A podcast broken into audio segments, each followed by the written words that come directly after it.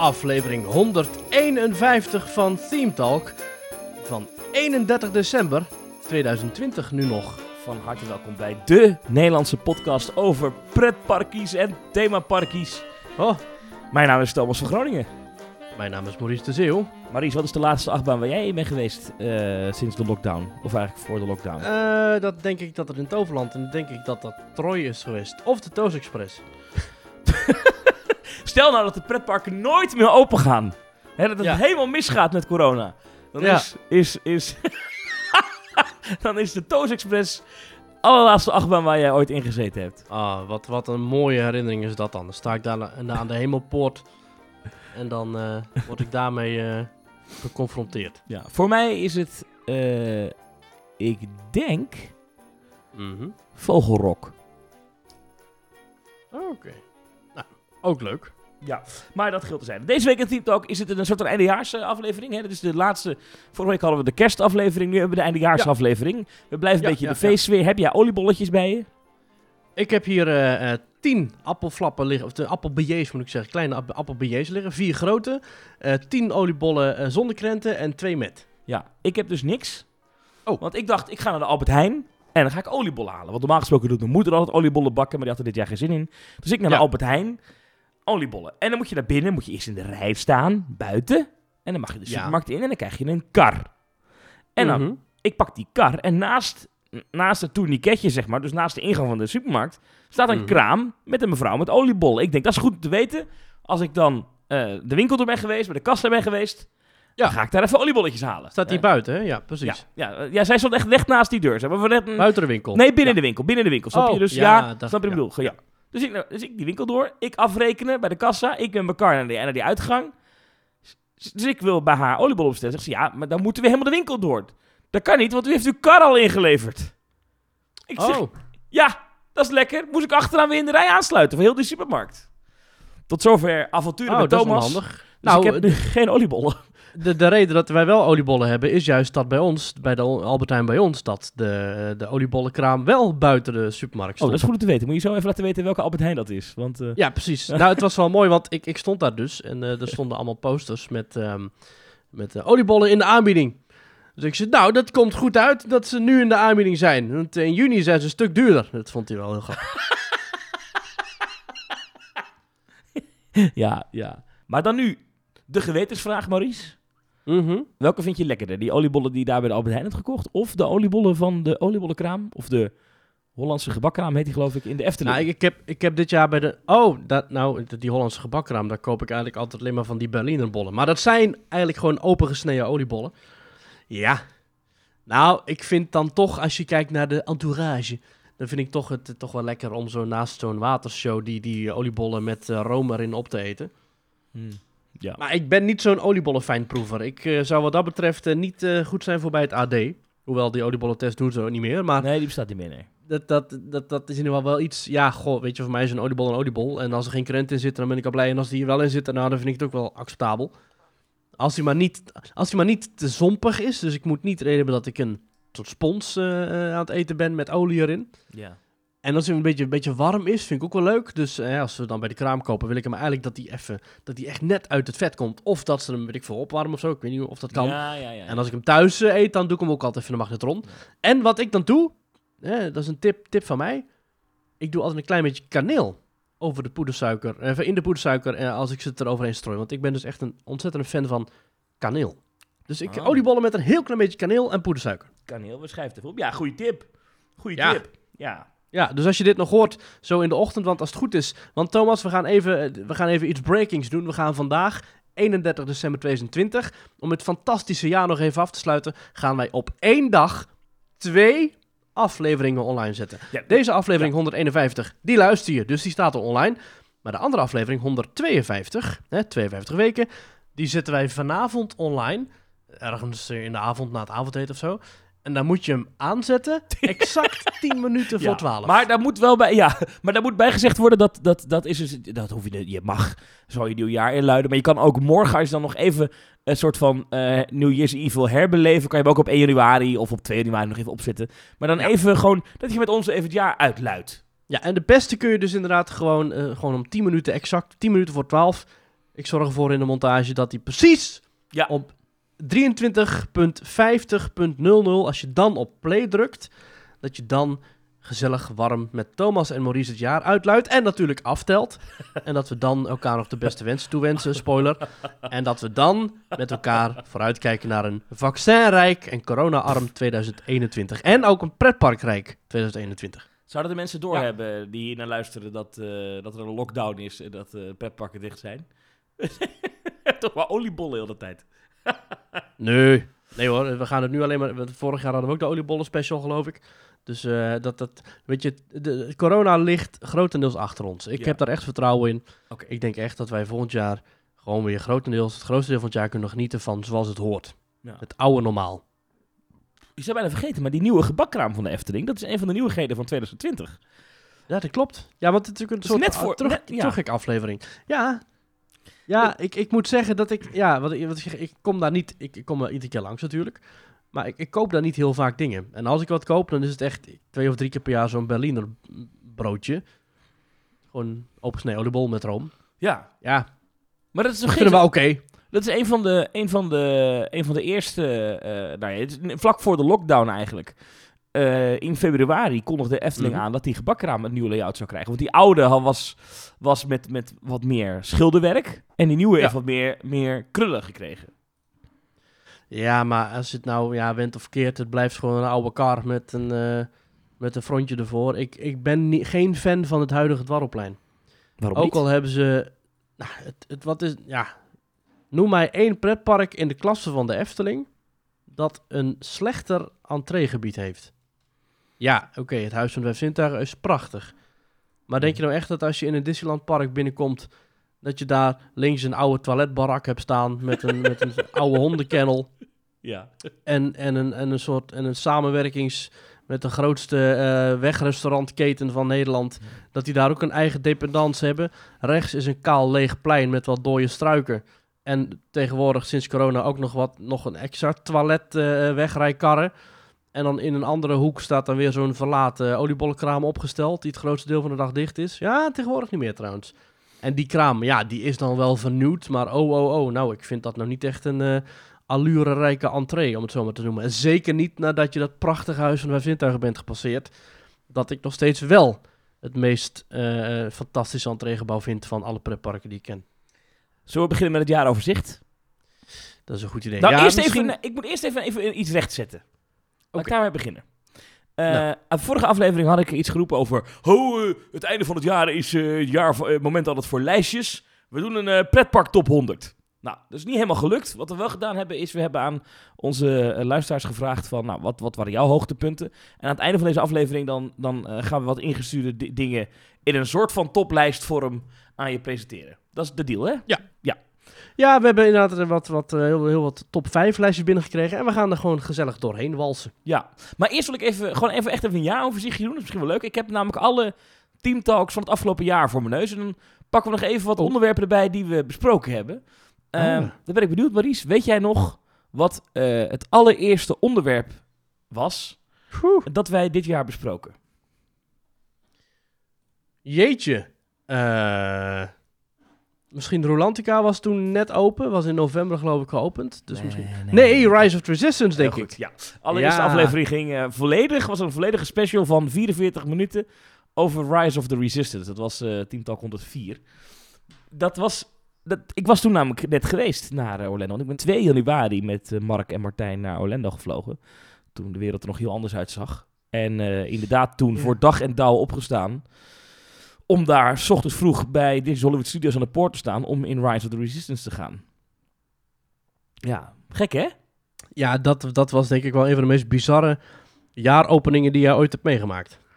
Ja, dat was een bijzonder begin van het jaar. Zeggen, Dat, dat leek een heel goed begin van een heel mooi pretparkjaar. Ja, ze kan alleen maar beter worden. Ja, Het precies. kan alleen maar beter worden. Ja, goed, daar hebben we het een uitgebreid over gehad. En ik, ik, eh, het, het gekke is dat ik hem eigenlijk alweer een, een beetje vergeten was later dit jaar. Rise was- Ik vond het toen echt, oh, dat is wat ik ooit gezien heb. Ik was hem even kwijt. Maar nu, laatst zag ik weer een, eh, een on-ride eh, filmpje. En ik heb nog even zitten kijken naar de, het seizoensfinale van The Mandalorian. Op Disney+. Mhm. Plus. Ja, toen kwam ik weer helemaal in die Galaxy's Edge vibe. Zat ik er weer helemaal in van de week. Dacht ik, ja, hier moet ik naartoe. Oh. Ja, die Mandalorian, ik moet zeggen, ik wil daar best wel een keertje naar gaan kijken. Want ik hoorde alleen maar positieve verhalen over. En ook de seizoensfinale was geloof ik heel erg goed. Dus eh, ik wil niet al te veel spoilen, want ik, dus dat kan ik ook niet, want ik weet er niks van. Maar ik, ik geloof wel dat, dat, eh, dat Disney Plus is niet op een beter moment gekomen dan zeg maar vorig jaar eh, najaar. Nee. Zodat ze daar heel het jaar mee konden uitpakken. En dat mensen thuis de Disney magie konden beleven. Ja, daar Want hebben ze goed geld aan verdiend ook, ja. Heb je Soul gezien of niet? Ja, heb ik gezien, ja. Goeie film, hè? Eh, ik vond het begin heel gaaf. Ik wil niet, ook weer hier niet spoilen. Begin heel gaaf. Heel gaaf. eh, Pixar is heel erg goed in het ontwikkelen van die eh, what-if concepten. Dus, goh, wat zou er gebeuren als je inderdaad een soort rijk hebt met waar zielen zijn en die, hoe, dat, hoe dat zit met weer terugkomen op aarde. En nou goed, dat kunnen we natuurlijk heel erg filosofisch doortrekken. Daar zijn ze echt heel goed in. Maar dan komt er weer in één keer zo'n kat bij. En dan denk ik van, oh, oh ja, het is natuurlijk ook weer een Disney film. Ze moeten natuurlijk ook weer een plusje katten kunnen verkopen. Dat vind ik altijd wel een beetje jammer. Hm. Dus eh, Oké. Ik vond het een van de mooiste... eh, eh, een, van, ja, een van de mooiste films over dit onderwerp, zonder al te veel te spoilen, die ik ooit heb gezien. Ik was echt extreem onder de indruk. Ja. Mocht je hem nog niet gezien hebben, check Disney+, Plus, daar moet je echt even bij zijn. ja, het is zeker een aanrader. Nou heb ik ook wel een beetje het probleem dat eh, eh, wij hebben dus Disney Plus eh, op via de Chromecast. Oh ja. En die hebben wij sinds een paar maanden hebben wij die in de tv geprikt die bij ons bed hangt. Hm. Dus dan is zeg maar vaak het idee dat ik dan zeg maar in bed lig zo. Dan liggen we samen in bed. En dan, ja, niet jij en ik Thomas. Maar en, dan, en dan heb ik vaak dat ik dan zo na een half uur, drie kwartier, dat ik dan zo lekker lig dat ik dan een beetje mijn ogen dicht doe. En als een film mij dus een heel klein beetje niet heel erg kan interesseren, dan zak ik wel eens weg. Waardoor ik dus 50 minuten in de film wegzak. En dan Ah, een kwartier ja. voor het einde weer wakker word. Nu had ik dat bij Soul niet. Hè, omdat eventjes, eh, had, had ik, daar ben ik echt maar twee minuten weggezakt, denk ik. ik had het bijvoorbeeld wel bij eh, Mulan. Die live action. Die, die vond ik echt eh, matig. En Ja, vond ik ook niet geweldig, nee. Ik vond het wel leuk om te kijken, hoor. Ik heb wel plezier aan gehad, maar ik vond het niet geweldig, nee. nee. hey, terug even naar het jaaroverzicht. Ehm, Ja. Want ik zie nu, ja, dat is mooi als je dan, als je dan over, over je schouder terugkijkt naar het begin van dit jaar. De tweede aflevering die we dit jaar maakten, 105, eh, was ook echt één grote show die ik gekaapt had. Ik heb, jij hebt daarin niks verteld, eigenlijk. Eh er was namelijk een volledig nog een keer reisverslag van Orlando, namelijk ook over uitgebreid Hagrid's Magical Creatures Motorbike Adventure in... eh, ja, Universal's Islands of Adventure. Daar hebben we ook uitgebreid toen over gesproken. Ja, dat is Mhm. eigenlijk alweer 2019, hè, want die achtbaan ging eigenlijk vorig jaar open. Alleen, ja, dit jaar waren wij er voor het eerst in, dus dat, dat hoort zeker in, in, in, in het jaaroverzicht erbij. Ja, ja, ja. Normaal gesproken zou ik zeggen, Maurice, eh ben je er al in geweest? Maar ja, dat is natuurlijk nog niet zo. nee. Nee. Toen kwamen er 106 en dit is wel mooi. Het was eh, de datum 29 januari 2020. Op dat moment was er nog geen corona in Nederland. Mhm. Eh, en ik denk dat wij de allereerste pretpark podcast waren die het wel uitgebreid over corona gingen hebben. Niet op nou is dat zo? eh, mijn eigen eh, eh, ego te streden te zeggen, goh, wat hadden wij dat vroeg door, hè? Ehm, maar omdat in China toen corona helemaal losging, hè, toen had je die beelden uit Wuhan, dat die mensen uit de ramen hingen en naar elkaar aan Mhm. schreeuwen waren, weet je dat nog? Dat die Mhm. stad helemaal in lockdown was. Ja. Shanghai Disney Resort en Hongkong Disneyland gingen toen dicht. Ja. En daar, toen hebben wij uitgebreid gesproken in aflevering 106 over dat dat Disney heel veel geld kost. En wat betekent dat voor de toekomst van de parken? En ook wat betekent het voor Parijs, Orlando en Anaheim? Hebben we toen uitgebreid over gehad. En wat zeiden we toen voor eh, Parijs? Zeiden we toen van, oh, dat zal ook wel dicht gaan? Of zeiden we van, nou, dat zal wel meevallen? Nee, we Dat hebben het ik niet zo goed meer. Nou ja, ik wel. We- Ik, volgens mij hebben we het heel erg gehad over. Nou, dat zal, als het Disney heel veel geld kost, dan eh, zal, er wel weer bezuinigd worden op de uitbreiding in Parijs. En toen zei jij, nou, dat zal me weer niks verbazen. Als uiteindelijk dan eh, alles minder wordt in Parijs. Niet wetende dat eh, een maand en zeven of acht dagen later. ehm, Nederland ook ineens een coronabesmetting had. Ja. Gek hè, hoe dat gegaan is. Ja, bizar hè. Over Hongkong gesproken, ik zit even te kijken, maar die zijn dus nog steeds gesloten. Hè. Die zijn tussendoor wel een paar keer open gegaan. Ehm, Dus dat was toen ook wel fijn. Dat hebben we toen dus ook besproken in de Team Talk afleveringen. Volgens mij hebben we dat toen besproken toen wij in Toverland opnamen. Dat hebben we namelijk ook een paar keer gedaan dit jaar. We hebben ook toch nog een paar keer op locatie weten op te nemen. Maar eh, ja, Hongkong is weer gesloten. Ze hebben daar wel het nieuwe eh, Castle of Magical Dreams eh, ja, geopend, is een raar woord, maar officieel ingeluid. Ehm, eh, dus dat was toch wel een van de nieuwigheden van 2020. Ehm, maar goed, laten we even teruggaan inderdaad naar aflevering 106. Het is wel leuk om op die manier het jaar door te nemen. Ja. Nou, vervolgens aflevering 107 was een inhaalaflevering. want We hadden toen een keer een weekje gemist. Ja. toen hebben we het heel veel over Amerika gehad en over hygiëne in pretparken. Naar aanleiding van corona dat was begin februari, of eind januari, sorry, niks aan de hand in Nederland nog. Hebben wij het er wel gehad over hoe moet dat eigenlijk met ontsmetten en zo in die parken. Geestig, hè? Wij, waren, wij waren wel de, de, de boel voor. Ik weet niet of dat positief is, maar we waren de boel wel voor. En toen aflevering 108, is ook wel aardig om op terug te blikken, is vanwege het coronajaar eigenlijk een vergeten ding geworden. Maar de achtbaan Wakala in Bellewaarde. Ja, in Bellewaarde, ja. ja, ja. Wat zeg jij, Bellewaarde of Bellewaarde? Ik zeg Bellewaarde. Volgens mij zeggen de Vlamingen zelf ook bellenwaarde. Bellenwaarde. op bellen. Bellenwaarde. Bellenwaarde. Niet bellenwaarde, maar bellenwaarde. Oké. Bellenwaarde. Maar daar zijn we niet geweest. Ik had daar wel heen gewild. Ik weet nog dat ik toen in de aflevering zei, hier moet ik naartoe. Die Gerstlauer eh, Family Ride, uh, die daar gebouwd is, is volgens mij echt een leuk ding geworden. Ja, is geopend met best wel veel eh, tamtam, -tam, letterlijk en figuurlijk. Want er zijn er wat indianen uh, ingevlogen, soort van. Die dus een openingsdans hebben gedaan. Wakala gaat namelijk ook over een indianenstam.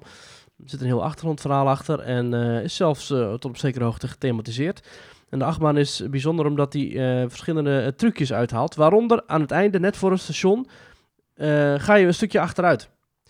Dus het is wel een leuke, leuke track. Ehm, niet al te spannende achtbaan, maar wel echt wel een leuke nieuwe family coaster.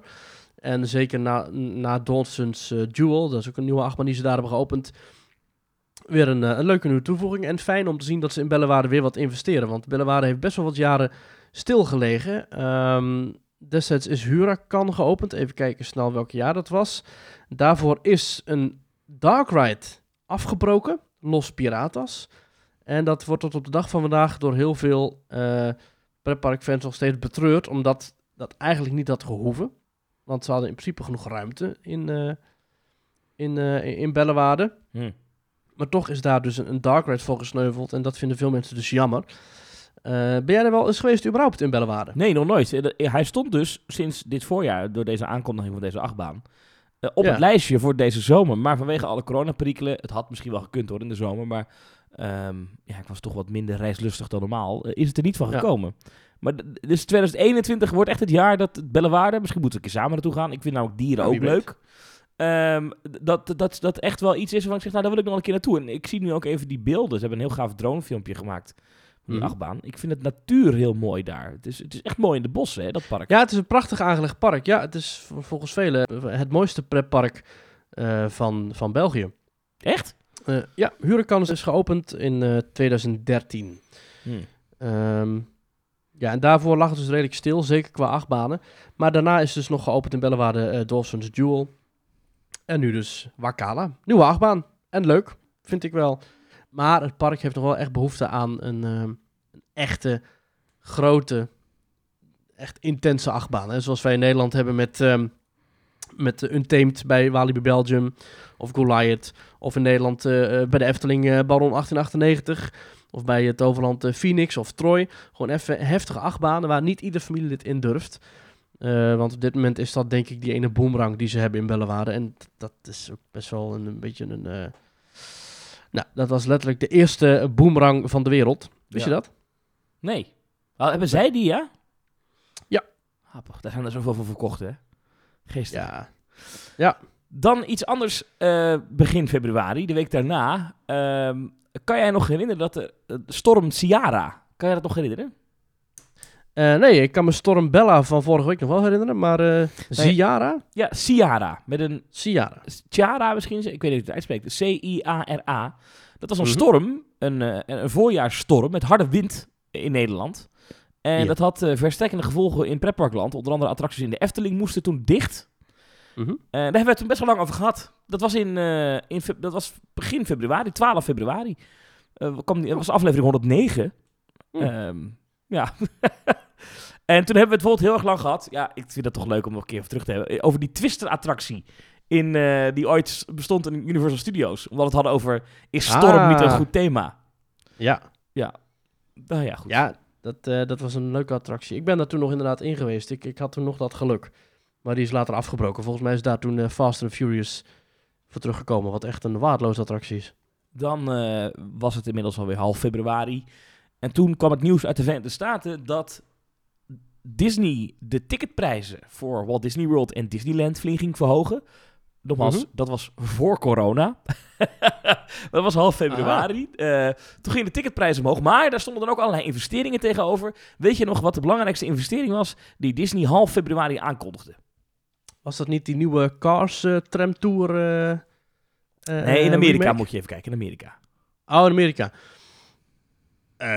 Ja, van alles toch? De nieuwe Star Wars Hotel, Ratatouille zou opengaan, Tron voor de 50 verjaardag. Ja, dat nee, maar het belangrijkste wat ze toen aankondigden bij het verhogen van de ticketprijzen was Ja. namelijk het kasteel van Cinderella en Magic Kingdom zou nieuwe kleuren krijgen. Oh ja, dat klopt ja.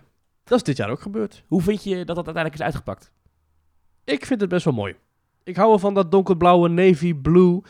Ik hou ook wel van dat... eh, het, het- het deed me een heel klein beetje denken aan die kleuren van het kasteel in Shanghai. Ja, Wat echt een prachtig kasteel is, vind ik. Ik heb het niet echt gezien. Ik vond het heel erg mooi. Ja. Dus eh, zeker met die Floriaanse zon. Ik, ik denk wel dat het binnen een paar jaar op de kleur is die het mooiste is. Het is Ja. nu misschien net iets te veel eh, gesatureerd. Net iets te veel... eh, eh, is ja, te fel, hè? Iets te fel. Maar dat zal wel... Ik, ik, ik, ik, verwacht- ik, ik heb er zeker voor de toekomst en ook voor nu heb ik daar echt wel een positief gevoel bij. Ja. Eh, er was En, en jij dan? Wat vind jij ervan? Ehm, eh, ja, nou, het, het gekke is dat ik heb foto's gezien eh, bij de neergaande zon, dus tijdens de golden hour. En dan is het fenomenaal, dit kleurenpalet. Is het zo mooi, Maries? Is het echt dat je denkt, wauw. Maar er zijn ook momenten, met Ja. name als de lucht wat grijzer is of zo, dan voelt het heel onnatuurlijk aan. Eh, en dan, dan, dan, dan, is het, dan, en dan is de onderkant Ja, is ook te donker of zo. Ja, dan, dan, Onnatuurlijk is ook niet heel gek natuurlijk voor een eh, sprookjeskasteel in de Magic Kingdom. Is niet echt realistisch, hè? Nee, maar het, het, Mm. dan- het, het- dan vond ik het witte eh, wat ze hadden mooier. Maar ik moet het Ja, een keer, maar dat ik was moet het een wel- keer in mijn eigen dat- ogen zien. Dat, dat was echt heel erg wit-grijs hoor. En ook in Florida, waar toch wel de Sunshine State, dat, dat de Sunshine State genoemd wordt, Ja. maar waar toch ook echt wel elke dag regen valt, Ja. is dat grijzige witte, ja, denk ik dat dat, dat, dat roze toch wel een, een, een plus is. Moet, Ik ben er positief over. moet ik in mijn eigen ogen zien. Eh, dat was trouwens aflevering 110 van Team Talk. Daarin zat Mhm. meer nieuws. Eh, nou, we hadden het net al even over de Hollandse gebakkraam in de Efteling. Die kreeg een nieuw uiterlijk. Maar ook de verbouwing van de Steenbok werd toen aangekondigd. Vrouw Boltes Kuchen. Ja. Ja. Nou, Ik denk dat we daarmee eh, richting het hoogtepunt van de Nederlandse pretpark toevoeging komen van dit jaar. Namelijk het hele nieuwe themagebied. Wat toch wel een groot woord is. Maar toch wel de, de vernieuwing van eh, het, het oude Steenbokplein. Met de aanpassing van de Bob naar Max en Moritz. Bob was al gesloopt. En eh, werd langzaamaan opgebouwd eh, of verbouwd tot een nieuwe achtbaan. Twee zelfs. Max en Moritz. Ja, en dit is in een tijd, aflevering 110, februari, dat wij heel de tijd eigenlijk nog tegen elkaar zeiden, nou, nog niet te vroeg oordelen over Max en Moritz, want we moeten nog kijken hoe het Ja. eruit komt te zien. En stiekem lieten we toen af en toe een beetje doorschemeren dat we niet heel enthousiast waren over het nieuwe project. Ja. Eh, mevrouw ik weet nog dat we bij de eh, introductie van het idee in ieder geval, hè, dat kwam dan op de Efteling-blog met de kip, dat het vooral een kiprestaurant zou worden, dat we daar heel enthousiast van werden. Ja, want eh, hè, er werden allerlei eh, droombeelden beloofd van... ik kreeg allerlei al heerlijk visioenen van kippen en, en die aan de spit zouden roosteren. En eh, chicken strips en eh kipnuggets in allerlei vormen en maten en kipkluifjes en eh, noem het maar op. Heerlijk. Ja. Nou, boy, were we wrong.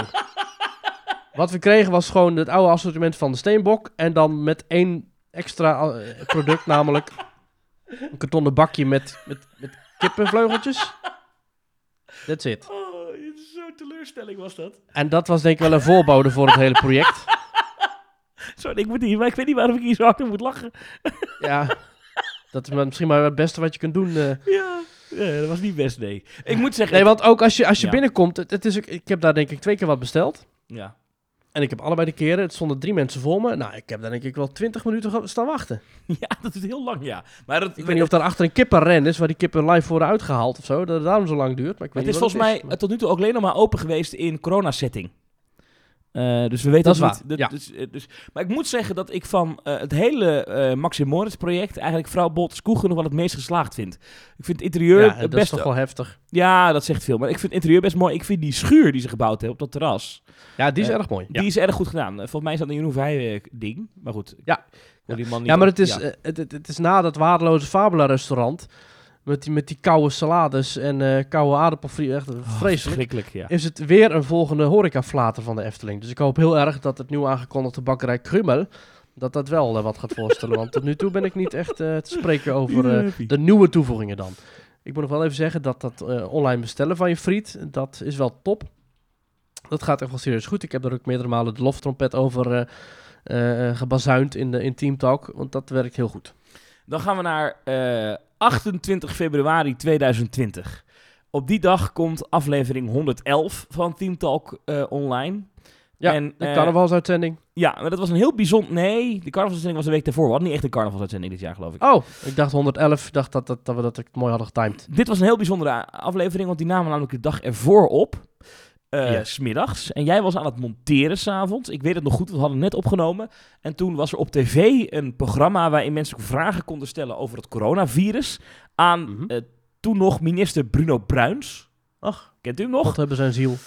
Die eh, toen zo'n briefje toegekreeg in zijn handen met dat er een allereerste coronabesmetting was vastgesteld in Nederland. Bij, eh, ja, die avond kwam ik achter een man van 56 uit Loon op Zand. Dat was in Tilburg, daar ben ik meteen naartoe gegaan, naar het ziekenhuis zo, eh, als verslaggeversjournalist. Maar de dag erna kwam er een aflevering van Team Talk online. En ik weet nog dat wij toen een discussie hadden van, moet het er nou in? Toen zei nog, ja, dat heeft niks met pretpark te maken, lekker zitten. Maar toen hebben we dus een aflevering online gezet, waarin het helemaal niet over corona gaat. Maar die kwam dus de dag erna online. Dat was aflevering 111, waarin wel Ja. eh pretpark gerelateerd nieuws zat. Groot pretpark nieuws, namelijk een nieuwe CEO voor de Walt Disney Company, ehm, Oh, Bob Chapek. Bob JPEG, dat klopt ja. Ja, Ja, dat is waar. Dat was inderdaad een... eh, Bob Iger heeft toen, eh, die had 76 jaar, daarvoor had hij de Disney Company gerund zo ongeveer. ja. Die is nooit met pensioen gegaan, die, die, die bleef maar aan. Nee, hoe, nou eh, goed, hoe lang heeft hij gezeten? Denk ik een jaar of 15 of zo? Ja, best 16? lang, ja. Echt jaren. Ehm, en, en dat was echt, echt, eh, dat was, nou, dat was echt net op tijd om het zo maar te zeggen. Want toen kwam Bob Chapek. Hè, Bob Iger, een geliefde, zeer succesvolle marktleider, bij iedereen wel geliefd. Eh, wat ik zeg, eh, positieve uitstraling, echt zo'n, zo'n, zo'n, nou, zo'n Leuke vent. betrouwbare, eh, goede vent. Ja. Werd dan afgewisseld.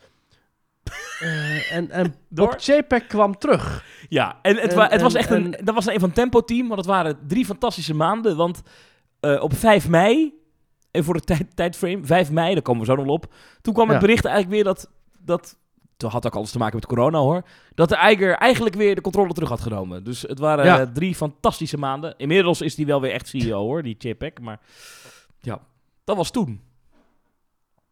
Ja, het is dus een ehm beetje lullig verhaal, want eh, Bob Chapek die wordt dus overal verguisd, omdat hij in zijn tijd als eh, baas van de parken Ja. ehm, heel veel bezuinigingen heeft doorgevoerd en ook heel veel IP heeft toegevoegd aan de pretparken, ehm, waar andere, waar, veel fans niks van moeten hebben.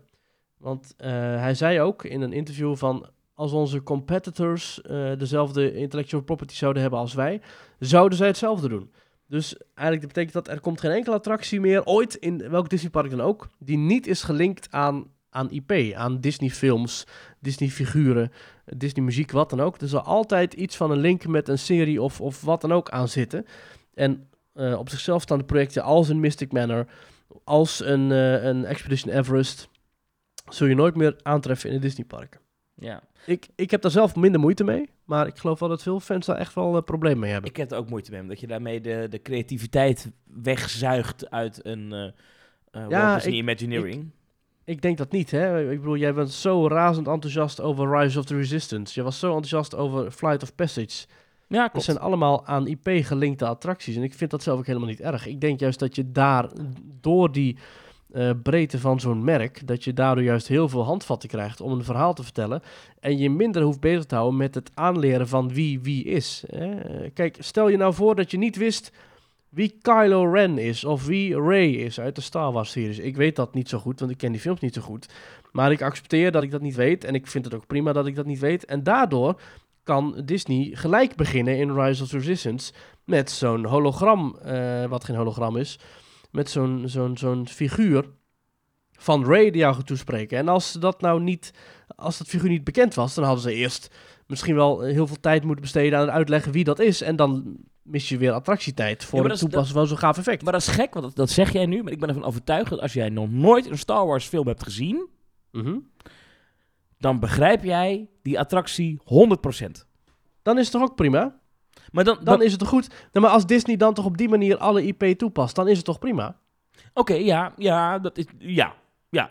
Ik heb dat overigens, ik vind het wel goed dat je, dit, dat, je dat je het op die manier bekijkt, want ik kan ook wel Disney-attracties aanwijzen van de laatste jaren waarbij dat echt niet zo is, die je niet begrijpt als je niet de franchise kent. Ik denk dat mensen... Ja, maar dat zijn wel de storybook rides. Dat zijn echt de, de Sneeuwwitje-attracties. Stel je kent de film Sneeuwwitje niet. Nou, dan snap je geen zak van wat dan in één keer die heks is. Of wat. Dan moet je natuurlijk maar begrijpen uit de film dat dat de stiefmoeder is die is omgetoverd tot een heks. Eh, Zo'n storybook report. Hè, wat, bijvoorbeeld, nou, Beauty and the Beast. Die dark ride is dit jaar ook geopend. Ehm, het is een fantastische attractie, maar echt gebaseerd op de film. Je moet echt de film gezien hebben. Mhm. Anders snap je niet wat in één keer die mensenmassa is aan het einde. Dan denk je, hè, dan snap je niet wat, wat is dat? Hoezo komen daar in één keer hooivorken en brandende fakkels door de deur heen? Wat is dat? Ja.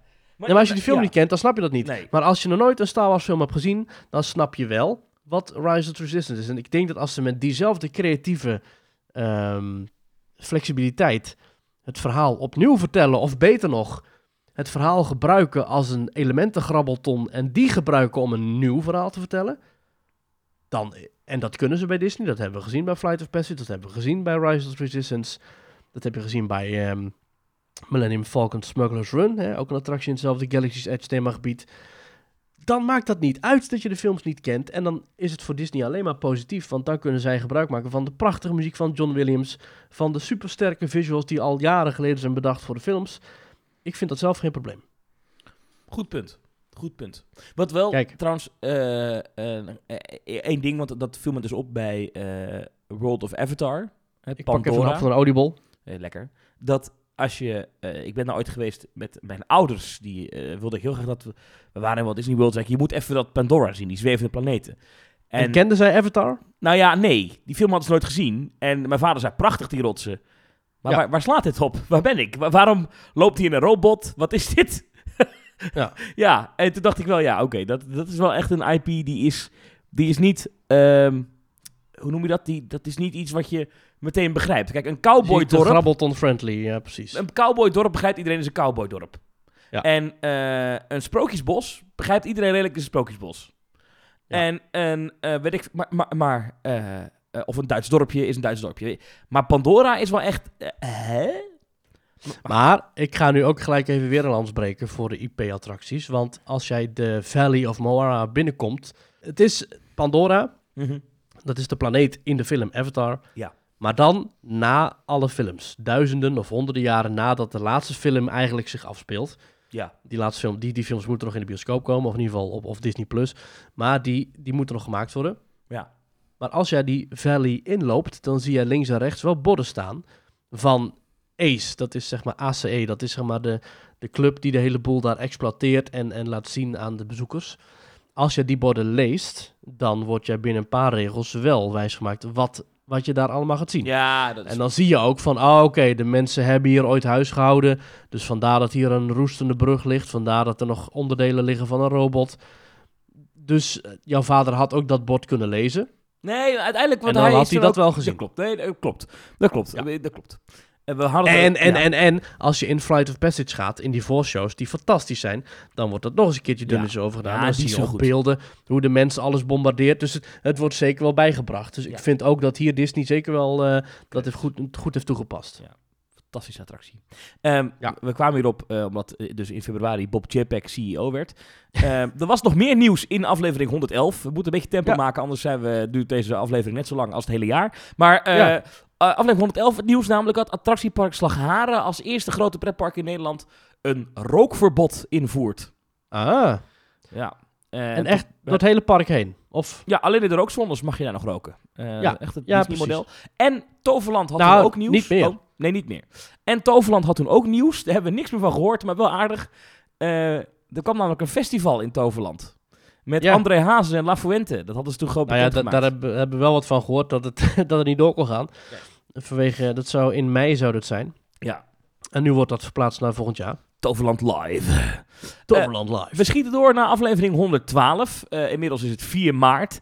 Eh, corona in Nederland eh, is langzaam op gang aan het komen. Er zijn af en toe her Ja. en der wat besmettingen. Maar volgens de GGD's en ook het RIVM eh, nog geen noodzaak tot maatregelen. Was toen allemaal nog niet nodig. En dus in aflevering 112 hebben wij het wel over het coronavirus. Maar dan hebben we het Mhm. over de parken van Disney in Azië die dicht zijn. En wij speculeren een beetje. Moeten we ons zorgen maken voor de Nederlandse parken? En eh, ik zou, eh, mocht je echt even je nostalgisch willen voelen. Het is maar, nou wat is het, Eh, nu negen maanden geleden. Iets meer. Als je het luistert, denk je, voelt het alsof het jaren geleden is dat wij discussiëren over moeten de pretparken in Nederland dicht of niet?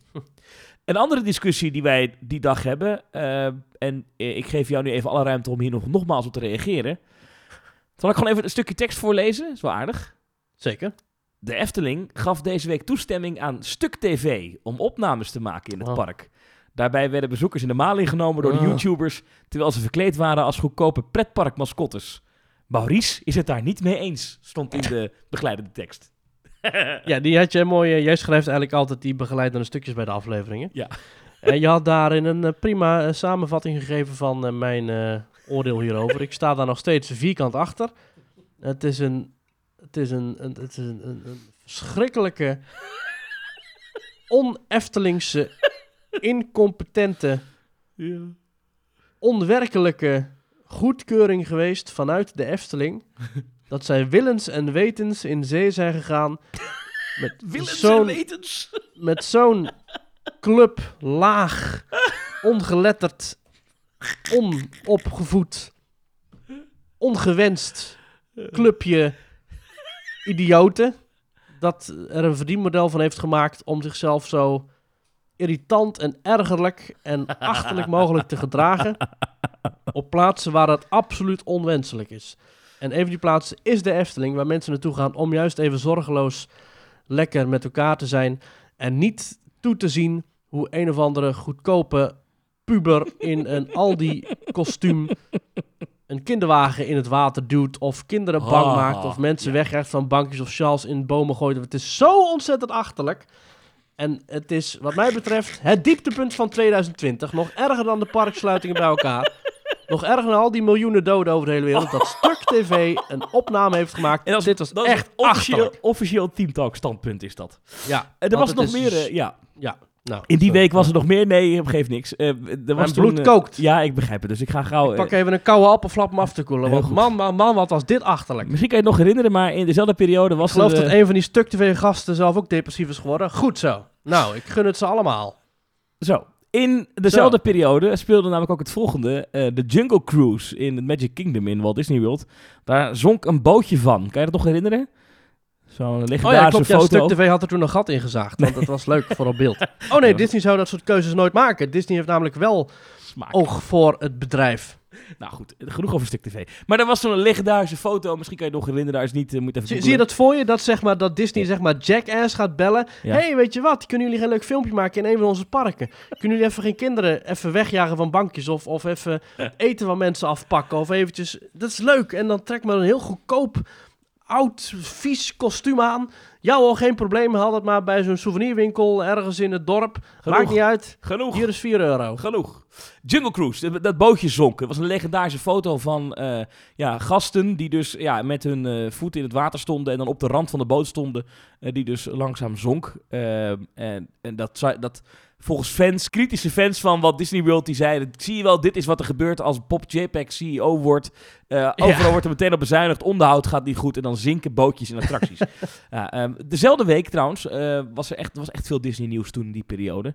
Eh, personeel van Disney's Hollywood Studios mocht de eerste ritjes maken in Mickey en Minnie's Runaway Railway. Ah. Waren toen lovende reacties. En eh, in dezelfde week speelde ook de kortingsactie van de Efteling bij de Albert Heijn, die heel snel voorbij was. Kan je dat nog herinneren? Dat was een, die was veel Klopt, korter ja. dan andere jaren. Ja, ja, ja, ja, ja. Ja, even Mickey en Minnie's Runaway Railway. Eh, een, een nieuwe attractie, naast de toen al eh, verrijkte Disney's Hollywood Studios. Ehm, een trackless dark ride waarin je in een treinwagonnetje meerijdt met Mickey en Minnie. Of ja, eigenlijk Goofy, want die bestuurt de hele trein. En langzaam gaat het allemaal mis en kom je terecht in een doldwaas, knotsgek cartoonavontuur. En ik vind het echt een leuke attractie. Dan gaan we door naar eh, aflevering 113 van Team Talk. Ongeluksgetal, dat was het zeker. Die aflevering heet namelijk Corona en Moritz.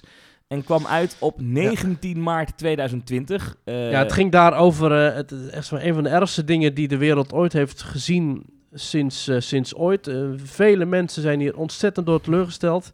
Namelijk eh, Max en Moritz en corona. Eh, op 15 maart eh, van dat jaar, namelijk was een paar dagen voordat die podcast opgenomen werd, eh, was die legendarische persconferentie waarin Bruno Bruins aankondigde dat alle eet- en drinkgelegenheden per direct dicht moesten. Pretparken bleven toen nog open. Dat werd toen een beetje een discussiepunt, want hè, Het hoorde was heel grappig, want Ja. toen moest alles dus dicht. En ik heb dus een paar straten verderop, waar ik toen woon, ik ben inmiddels verhuisd, zat een koffieshop. En toen zijn wij, ehm, om tien voor zes gingen wij nog even de stad in. En toen zagen we dus een rij van, nou denk ik zeker 50 meter voor de koffieshop. Ja, dat was Van bizar. mensen die allemaal nog even te snel een zakje wiet wilden scoren, of, of weet ik veel. Eh, Ja, daar hebben ze wel van geleerd. Dat, dat eh, in, in die Ja. crisiscommunicatie, dat ze nooit meer zo'n sluiting een half uur van tevoren aankondigen. Want dat, dat, dat Ja. was echt eh, ellende. Ehm, Ja. Maar daar, hebben we- daar hebben we het toen uitgebreid over gehad. En eh, we hebben het toen ook gehad over de treinen van Max en Moritz. Die waren toen voor het eerst te zien. Ehm, Ja. En in die periode, misschien eh, weet je het nog, was ik eh, ziekig. En dan ben ik getest als een van de eerste op corona. Dan kan ik nog die mensen in witte pakken in mijn huis. Ja. Omdat ik die imkers. ja, nou goed. Dat was aflevering 113. Gaan we door naar 114. En dat was een weekje later. En toen hebben wij nog een keer de vraag gesteld: corona, wat betekent dat voor pretparken? Namelijk, alle pretparken waren toen dicht. Alle pretparken in Nederland zijn Toen gesloten. Alle Disney-pretparken waren ook de wereld waren toen dicht. Ja. Ehm, het was toen ineens, eh, in, in een week tijd, boem, was het klaar. De Efteling ging dicht. Ik geloof dat eh, alleen Universal Singapore toen nog open was. Ja, daar hebben we het toen nog even over gehad, geloof ik, ja. En toen hebben wij Ja. de vraag gesteld, is 2020 een verloren seizoen? Hebben de parken de komende jaren nog wel geld voor nieuwe attracties en gaan er pretparken failliet? Ja, dat was Ja. toen. Nou, er zijn op dit moment naar ons weten volgens mij geen pretparken failliet. Ja, wat kleine parkjes in Amerika. Maar eh, Ja, oké. in, in, volgens mij in Europa om ons heen niet. Kermisexploitanten, daar vrees ik wel voor. Ja. Ehm, daar weet ik niet zo goed van. Dat, dat gaan we eigenlijk pas zien als het kermisseizoen weer begint. Wie doet er nog mee? Ja. Ehm, maar ja. Eh, toen gingen we door. We vliegen even door het jaaroverzicht heen. Toen was het alweer 26 maart. Eh, nog steeds alle pretparken in Nederland dicht. Ehm, want er was toen nog heel veel onduidelijk. Wanneer gaan de parken weer open? Wat betekent het voor de nieuwigheden dit seizoen? Bijvoorbeeld Max en Moritz, gaat het nog open? En toen kregen we de discussie, ja, dat was een hele vervelende discussie. Wat doen de parken met abonnementhouders die wel betaald hebben voor die dagen? Weet je die discussie nog? Ja. Dat het ontzettend lang duurde voordat eh, bijvoorbeeld de Efteling een antwoord had op die vraag. Dat was toen namelijk nog steeds niet bekend. Toen waren ze al meer dan een week dicht. Dat is een beetje tekenend voor de Efteling-communicatie van de rest van het jaar. Het duurde altijd heel erg lang voordat er überhaupt een statement kwam over dingen. Ik denk ook mede omdat de Efteling natuurlijk zo'n grote organisatie is, waar alles zo stroperig door zes managementlagen heen moet. Behalve blijkbaar de keuze voor een stuk tv, want dat wordt gewoon wel goed gekeurd. Maar dat ze dus een, een abonnementcompensatie, dat, dat werd uiteindelijk werd dat aangekondigd als, eh toen werd het aangekondigd en het bleek dus te gaan om een tegoed op je Efteling pasje, je Efteling abonnement, dat eh, kan worden uitgegeven in het park zelf. Je krijgt geen geld terug en je werd ook niet verlengd in het aantal dagen. Eh, veel onbegrip onder fans, eh, ook veel mensen die het prima vonden. Ehm, ja, weet je, ik heb sinds het park weer geopend is mijn eh tegoed er alweer lekker doorheen gejaagd aan de horeca. Want ondanks dat de horeca regelmatig teleurstelt, hebben ze zeker heerlijke snackjes en drankjes daar te verkrijgen. ja. Ehm, dus mijn tegoed is alweer op. Maar op dit moment zijn we nu tegoed aan het opbouwen, want de Efteling is weer dicht. En die eh, tegoed, eh, tegoedbon compensatie hebben ze best wel eigenlijk het hele jaar door aangehouden. Ook voor mensen die bijvoorbeeld een ticket hadden geboekt voor Caro. Die kregen het geld terug op een tegoedbon. ja, ja, ja, weet ik nog, ja. En eh, mensen die een, ehm, eh, bijvoorbeeld een Bosrijk of zo vakantie hadden geboekt, die konden ook niet meer omboeken. Die kregen, dus dat, ja, jij weet dat beter hè, die, die, die, die konden het, het tegoed, eh, mo- mochten ze niet, kregen ze niet terug, zo, maar die mochten wel gewoon langskomen. Ja. Hoe, hoe zat dat ook alweer? Ja, dat weet ik niet meer precies. Er was een hoop gedoe over. Nou, het, het kwam in ieder geval op neer dat veel Bosrijk-bezoekers ontzettend ontevreden waren over de manier hoe de Efteling het aanpakte. Echt honderden klachten op Facebook en Twitter. Overal mensen waren boos, want de Efteling wilde het niet. eh, als je wilde verzetten, dan kostte dat geld. Want eh, nou, het, was, het was niet echt eh, de meest sympathieke kant van de Efteling die ze lieten zien. nee. Vind ik jammer. Werd ook later in de zomer heel pijnlijk duidelijk toen de mensen die vooraf was beloofd van jullie mogen gewoon onbeperkt naar de Efteling. Dus als je voor Bosrijk had geboekt, dat je om 6 uur het park uit moest. En als je om 7 uur weer terug wilde, dan moest je 25 euro per persoon Ja, bijbetalen. Ook een regeling die Daar komen we zo nog op. Daar veel... eh, maar inderdaad, Ja, daar daar komen we zo nog op. Toen werd het namelijk april. En april waren de parken dicht. Toen zijn jij en ik allebei toch naar een pretpark geweest. Jij hebt toen namelijk een wandeling gemaakt door het land van ooit. Ja. Eh, Zeker, ja, dat was heel mooi met een, eh, met een, eh, een vriendin van ons. eh, jij kent haar ook, Thomas. Zijn wij, eh, met Elise zijn wij door ehm, het land van ooit gaan lopen. Het oude land van ooit, dat heel, ja, helaas tegenwoordig niet meer bestaat. Al heel lang niet meer bestaat. En we hebben daar een, eh, een prachtige wandeling gemaakt en die hebben we opgenomen. En die kun je terugluisteren via onze pagina op petje.af teamtalk. Dat is de pagina met, eh, met, met extra bonusmateriaal. Als je ons steunt via die website, dan krijg je toegang tot allerlei andere eh, extra afleveringen. Waaronder dus die rondleiding door het Land waarin Elise van alles vertelt over hoe het Land van er vroeger uitzag, waar wat ongeveer stond, hoe de verhaallijnen waren. Ja, heel tof. Echt een leuke aflevering. En ook zeker interessant als je nou, nog eens naar een pretpark wil. Dan kan dat wel bij het Land van Ooit, want dat is gewoon opengesteld, dat gebied. Ja. Toen was het begin april. eh, toen jij daar was, toen was het ook lekker weer. Het was eigenlijk het moment dat eigenlijk het pretparkseizoen had moeten beginnen. Het begon ja, is niet. heel pijnlijk. Ik ben ja. toen in Toverland geweest voor een interview. En dan Ah. kijk je achter de schermen. Eh, dat was wel aardig. Voor BNR was dat. Het was een heel gek moment, hè. Want april, dan, het was echt ideaal pretpark weer in die periode. Maar ja, we moesten, Ja.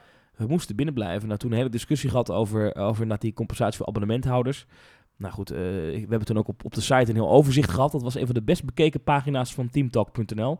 Het overzicht, wat doen, eh, dit doen pretparken om abonnementhouders te compenseren voor coronasluiting.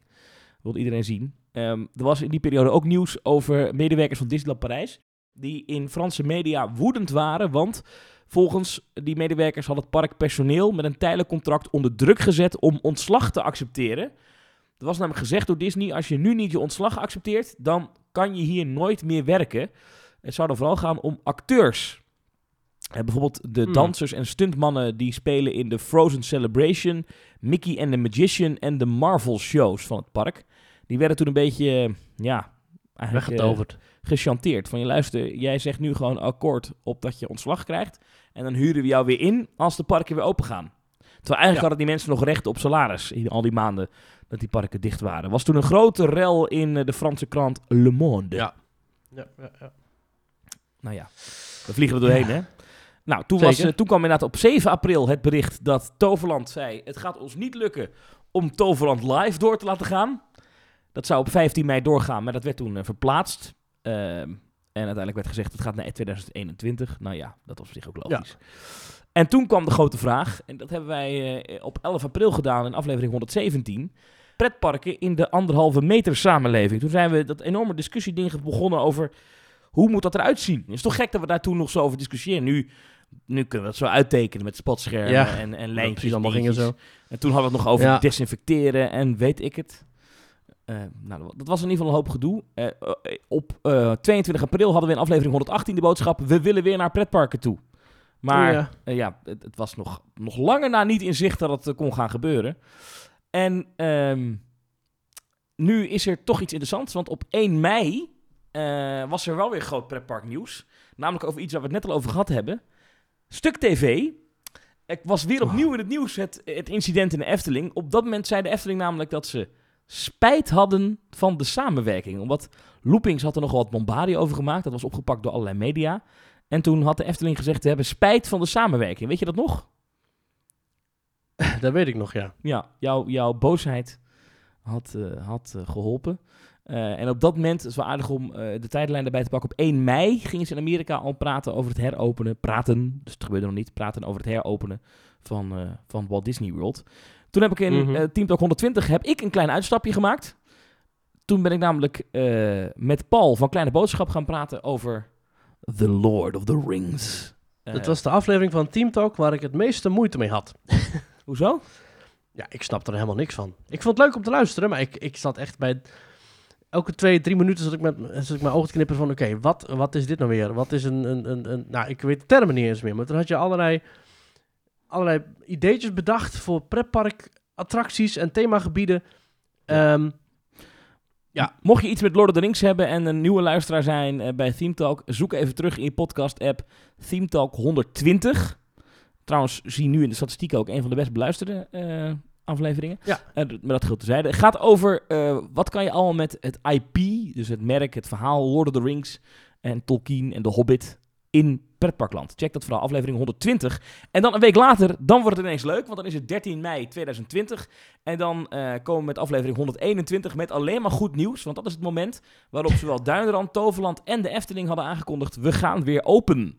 Allemaal op een verschillende datum overigens. Maar op dat moment ging het ineens weer eh, Er was open. licht aan de, aan de horizon. Het eerste grote park wereldwijd dat echt weer open ging was Shanghai Disneyland. Gek genoeg het land waar het virus vandaan kwam. Daar ging als eerste Ja. ook het park weer open. Hadden het virus gestuurd en toen was het klaar eh, voor hen en toen gingen zij weer eh, open. Ja, en toen daarna we ook meteen eh, ja, ver- ver- verslagjes in aflevering 122. Maurice bezocht de Efteling. En ik ben in Toverland geweest in die eerste dagen.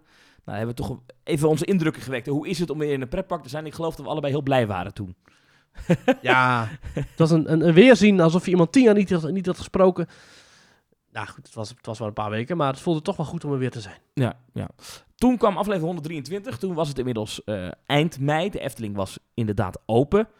Ehm, eh, ik ben toen in Walibi Holland geweest. Ik heb toen voor het allereerst gebruik gemaakt van mijn Walibi Holland abonnement.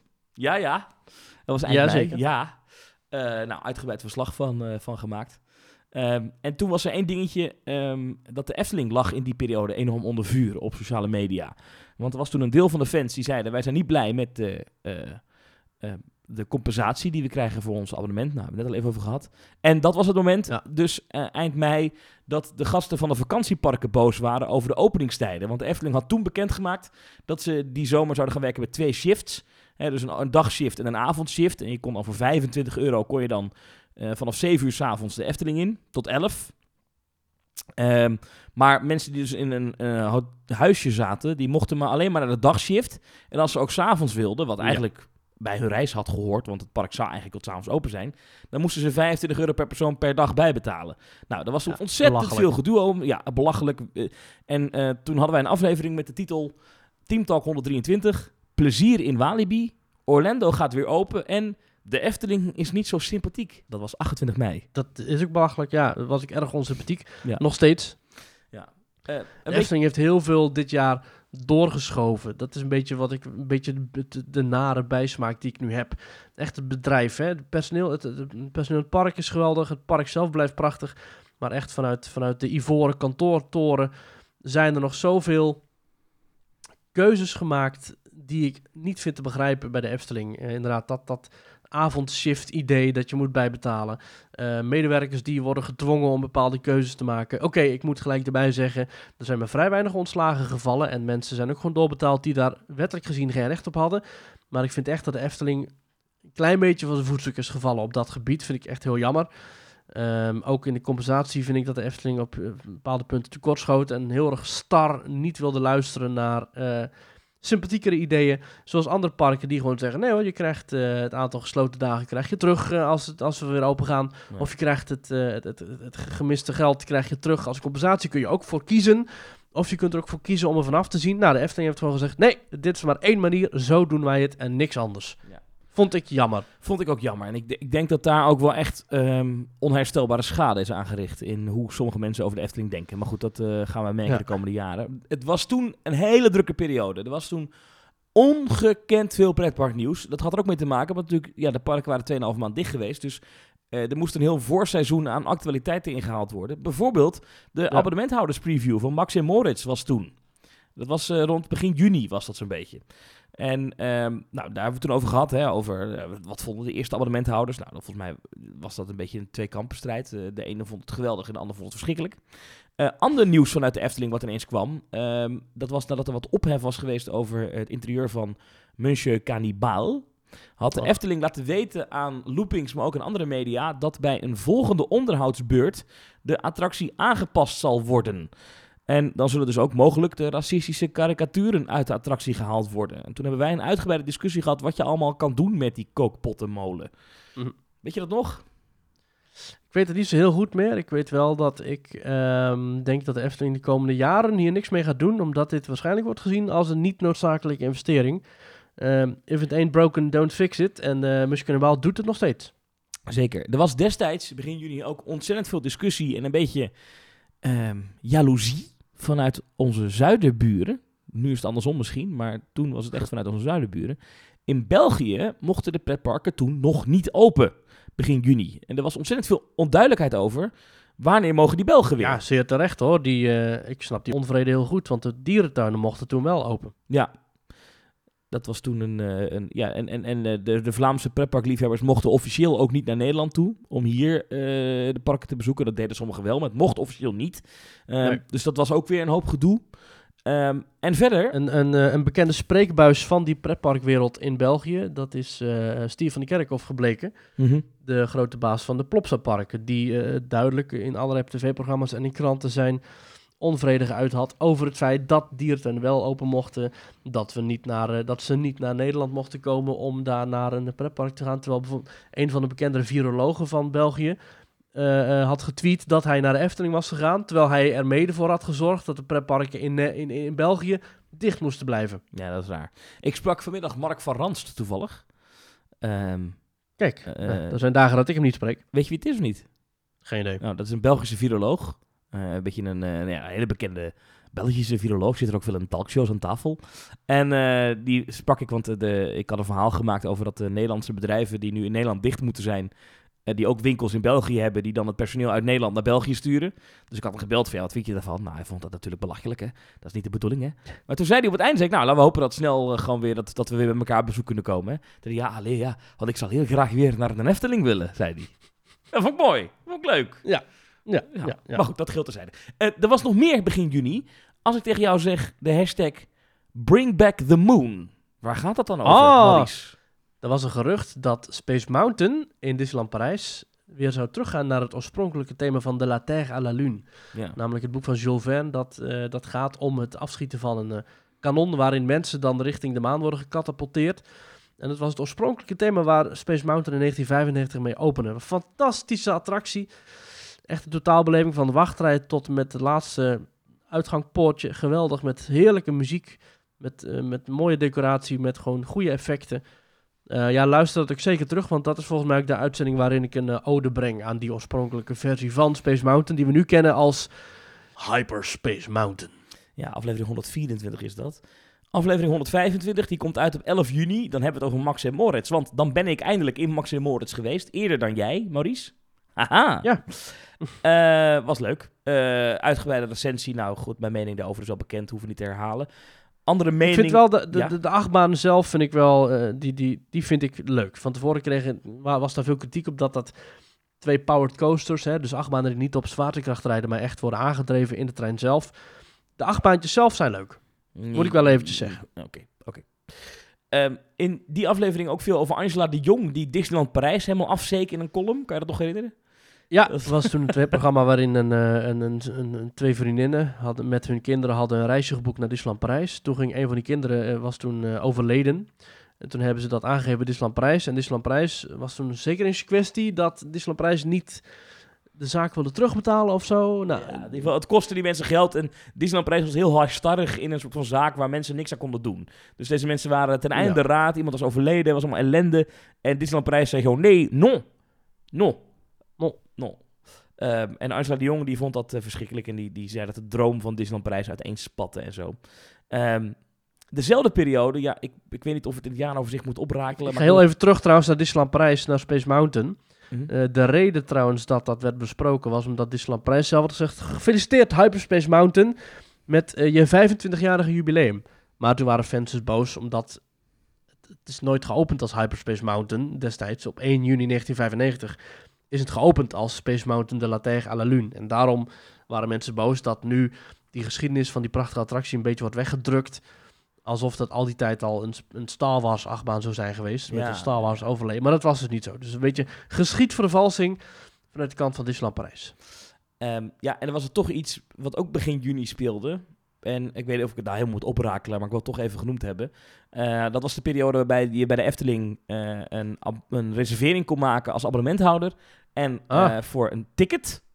Eh, maar bij het reserveren voor een ticket werd, en volgens mij wordt tot op heden nog steeds niet gecontroleerd of je ook daadwerkelijk een ticket hebt. Want je hoeft geen code zo in te vullen. Je moet alleen bij de ingang gelijktijdig Ja. een reservering en een ticket laten zien. En er waren wat Ja. abonnementhouders van de Efteling die hadden ontdekt... Goh, als, je niet meer, als de abonnementhouderspool vol zit... dus je als abonnementhouder niet meer kan reserveren voor een dagje Efteling... dan kan je nog wel reserveren met een ticket. Maar als ik dan gewoon zo'n ticketreservering meeneem... en dan mijn abonnement laat zien... kan ik ook Ja. het park in.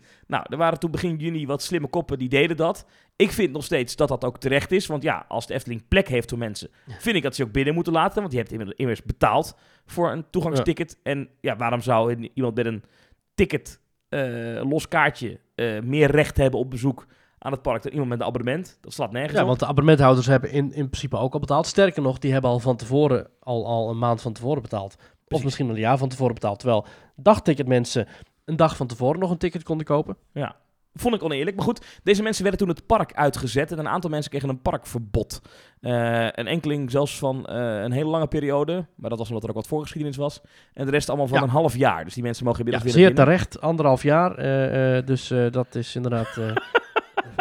was heel pijnlijk voor Ja, ja was, ik vond dat echt ook En wel voor weer de de rest van de wereld was dat heerlijk. Nou, ik vond dat wel weer de zoveelste episode waarin, waar, waarbij mensen die bij de Efteling werken laten zien dat ze misschien gewoon even Ja, een jaartje ergens anders Dit, moeten gaan werken. in, Want, in ja, dit geval, eh, was dit een geval beetje, eh, eh, kon ik daar uitstekend van slapen. ja, maar ze sloegen... Ja, ik vind mensen een parkverbod geven voor zoiets.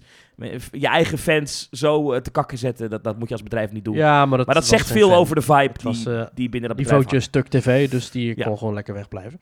Ehm, Eh, nou, toen eh, was het inmiddels half juni, eind juni een beetje, 21 juni. En toen heb jij ook eindelijk Max en Morris bezocht. God, aflevering 126, mocht je willen weten wat Maurice precies van die attractie vond. Hmm, wat zou het zijn? Ja, op dat moment is Walt Disney World nog niet open. Gaan we druk speculeren over wanneer gaan ze open. Eh, en we hebben toen uitgebreid gehad over The Wizarding World of Harry Potter. Wat dat themagebied, wat op dat moment 10 jaar oud is, die week. Ja. wat dat allemaal betekend heeft voor, voor, voor de pretparkwereld. Veel was ons idee. Dan was er meer, want eh, eind juni eh, was Amerika in de ban van Black Lives Matter. Het ging in Amerika ja, bijna nergens anders meer over. Je had eh, natuurlijk een verschrikkelijke dood gehad van die meneer die daar op de grond lag met een knie van een agent in zijn- in zijn nek. die niet meer kon ademen, die uiteindelijk overleed. En protesten door heel de Verenigde Staten. En op een of andere manier voelden allerlei bedrijven de druk om ook iets te doen. Zo ook de Walt Disney Company. Wat zeiden ze? We gaan de film Song of the South weghalen uit een van onze populairste attracties, namelijk Splash Mountain. En toen werd eind juli bekendgemaakt dat prinses Tiana uit The Princess and the Frog eh, het nieuwe gezicht zou worden van die attractie. Wat een leuke film is met prachtige muziek en eh, leuke verhaallijn. En ik ben heel benieuwd wat ze daarvan gaan maken. Ja. Wat vond Eigenlijk, waren hier drie meningen over. Mhm. Eh, eh, eh, mening 1 is, oh wat leuk, wat een gave film en wat top. En ik ben heel benieuwd. Dat is eigenlijk mijn mening en volgens mij ook jouw mening. Mhm. Mening 2 was belachelijk dat hier wordt geluisterd naar deze demonstranten en laat het lekker Song of the South blijven. Ja. Dat is mening 2. En mening 3 was eigenlijk wat belachelijk dat er weer een attractie zoals we die kennen verdwijnt en plaats moet maken voor moderne IP. Nou, ja, ik, zoals ik al eerder heb gezegd, ik vind dat geen probleem. Ik denk dat Disney dat heel goed kan. En in die nieuwe attractie van eh, Princess Tiana wordt ook een nieuw verhaal verteld met Mhm. elementen uit de film van Princess and the Frog, film uit 2009. Waarin ehm, wordt, wordt, wordt gekeken naar, eh, eh, volgens mij heeft iets te maken met een, een huwelijk dat aanstaande is of zo. En jij bent wel, nu ja. te gast en nou, heel verhaal, maar in ieder geval een nieuw verhaal met elementen uit, het, uit, de, oorspronkelijke, uit de oorspronkelijke film. Waar ik zeker eh, zin in heb. En volgens mij gaan grootheden als Tony Baxter ook meewerken aan het nieuwe project. Dat is wel de bedoeling, ja. ja. Ja. Dat was half juni, of eind juni eigenlijk. Toen was er nog wel meer nieuws. Ik vlieg er even doorheen hoor. Er was toen een, een verhaal, of dat was eigenlijk geen verhaal. Eh, er was toen in één keer heel zichtbaar in de Efteling dat er flink het bezuinigd op onderhoud. En eigenlijk alles wat niet essentieel was, dus eh, als je het hebt over onderhoud die niet gaat over de veiligheid en dat soort zaken, dat werd wegbezuinigd. Denk bijvoorbeeld aan geureffecten, die toen tijdelijk nergens in het park te ruiken waren.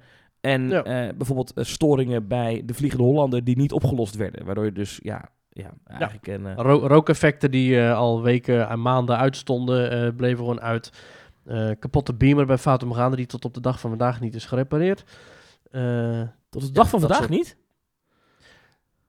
nee, de laatste keer dat ik erin ben geweest was net voor de lockdown. Deed hij nog steeds niet, die beamer. Bizar. een projector in het begin van de attractie.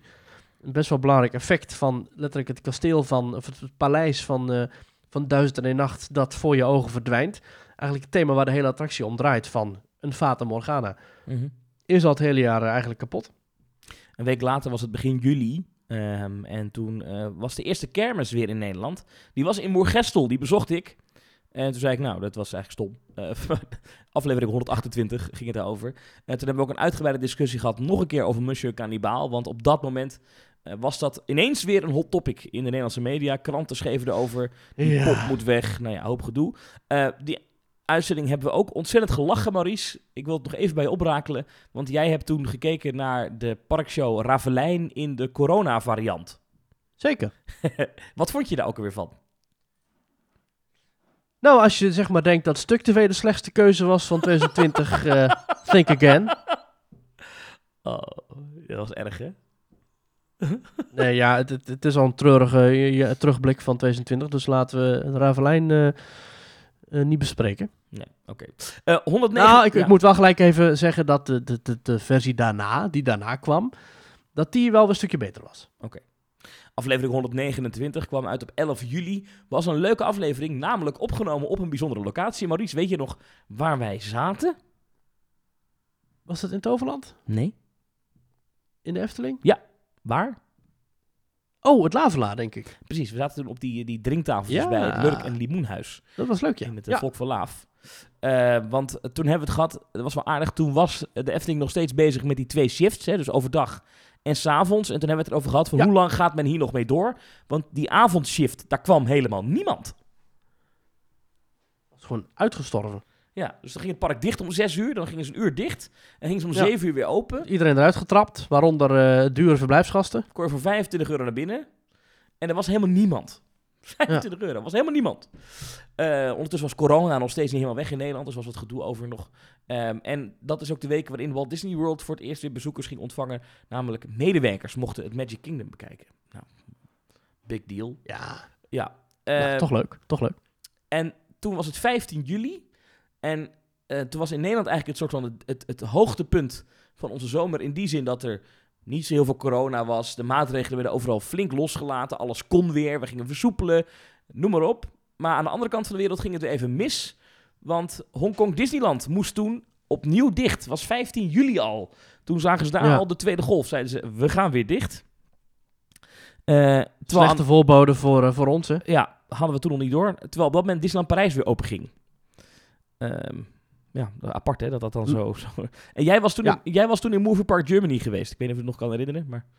Eh, ja, in Move Park Germany was toen eh, een mondkapjesplicht. Buiten hoefde het niet, maar als je in een wachtrij stond of als je in een gebouw binnen was, dan moest je een mondkapje op. Als je in een attractie zat, dan kregen we regelmatig te horen van medewerkers van eh, nu mag die af. En ehm, dat gold ook als je gewoon buiten, dus inderdaad eh, op de paden en pleinen liep, of als je ergens wat aan het eten was, dan mag je ook binnen gaan zitten met het mondkapje af. Toen gingen we weer een week verder, 23 juli, aflevering 131 van Theme Talk. En daarin bleek dat wij toch altijd gelijk hebben. Namelijk, de Efteling had het roer weer omgegooid. Ze hadden toch door, die avondopenstelling, dat werkt niet. Eh, Ja. Dus die avondshift ging eruit. En het park zou nu iedere dag van 9 uur s ochtends tot 10 uur s avonds open blijven. Dus dat beroemde tussenuurtje, eh, dat is er niet meer. En eh, de dag- en ook verblijfsgasten, die mogen dus nu ook s'avonds in het park blijven. Ja. Toen hebben we even uitgebreid geanalyseerd hoe het eigenlijk ging met de Efteling. En toen kwamen we al een beetje tot de conclusie dat het wel erg druk was in het park soms. En dat de Efteling Ja, toch en- een beetje lak... Althans, ik kwam tot die conclusie dat de Efteling het niet zo nauw nam met A, het consumentenrecht die zomer. Want eh, ja, eh, ze lieten mensen die betaald hadden, die gaven ze hun product niet. En dan gaven ze het geld niet terug. B, Ja. ze lieten wel erg veel mensen binnen voor wat eigenlijk oké was in coronatijd. En volgens mij zagen we daar een beetje het begin van een tweede golfje aankomen in die tijd. Hm. Maar goed, Mhm. dat was toen. Eh, en Ja. nieuws wat er toen ook was, is dat jij naar Bobbejaanland was geweest. En dat jij toen, dat vond ik nieuws in die tijd, dat jij helemaal enthousiast was over Fury. Ja, ik vond het leuk. Ja. Ik vond het gezellig. Ik was toen met een, eh, een vriend van de show, Dennis, en eh, met mijn vriendin. En we waren daar gewoon een leuke dag. En het was gewoon lekker weer en het was niet druk en het was allemaal goed geregeld. Het personeel was vriendelijk, wederom. Wat me de vorige keer ook al opviel in Bobbejaanland. En eh, zelfs de dingen als de monorail reden gewoon goed. Dus het was echt een topdag. Ja. Ja. Er was ook eh, droevig nieuws eh, die week, namelijk Walt Disney World maakte bekend dat een aantal attracties en shows definitief niet meer terugkeert. Namelijk Rivers of Light in Animal Kingdom zou eh, ja, Ja. definitief geschrapt zijn in die week. Dat is wel jammer, hè? Aflevering 133. Ja. Dus laten we inmiddels begin augustus. We vliegen er even snel doorheen hoor, we zijn er bijna. Tokkieland Kaatsheuvel hadden we het toen over. Oh ja. Er was namelijk een We kregen columnist. daar eh, heel, Ja. veel, eh, kregen heel veel eh, positieve reacties op onze intro Ja. van eh Tokkieland in Tilburg Noord-Noord. Ja, check hem vooral even. Aflevering 133. Er was namelijk een columnist van een krant, ik weet niet meer welke, die noemde de Efteling Tokkieland. Er was op dat moment ontzettend veel kritiek in de landelijke media. Het is te druk in de Efteling en de bezoekers houden zich niet goed aan de coronamaatregelen en het park grijpt niet in. De Efteling gaf daarbij de gast de schuld en zei ja, als bezoekers zich niet aan de maatregelen houden, er is maar zoveel wat wij kunnen doen. Ja, eh, daar was ontzettend veel discussie over. Eh, Het was eigenlijk een van de eerste momenten dat de Efteling echt groot negatief in het nieuws kwam dit jaar. Over die Nou, niet helemaal hoor. Eh, je had, ik wou zeggen, oh, je, ben je muziekkannibaal een stuk te veel vergeten. Ja. Dezelfde periode was er ook wat discussie over Toverland eh, rondom de coronamaatregelen. Want eh, Toverland had toen korte tijd een proef ineens. Eh, dat je geen anderhalve meter afstand meer hoefde te houden in die treintjes. Dat had die burgemeester had gezegd, dit kan. Maar die was later teruggefloten door de veiligheidsregio. Of ja, wacht even, Ja. anderhalve meter is anderhalve meter. Maar Ja, wa- was hij, Ja. Niet, eh, was hij niet de voorzitter daarvan en had hij dat toen op eigen gelegenheid besloten? nee, hij is niet, hij is niet de voorzitter. Nee, de voorzitter is een burgemeester van een eh, stad verder. Ik geloof Venlo uit mijn hoofd, als ik goed zeg. ja, maar de, de burgemeester had als, als voorzitter wel van een bepaalde veiligheidstak... had hij wel toegezegd van, dit kan, dit wil ik Ja. proberen. Ja. Toen zei Toverland, oh, nou, dat is goed. Dan, als jij het zegt, dan doen we dat.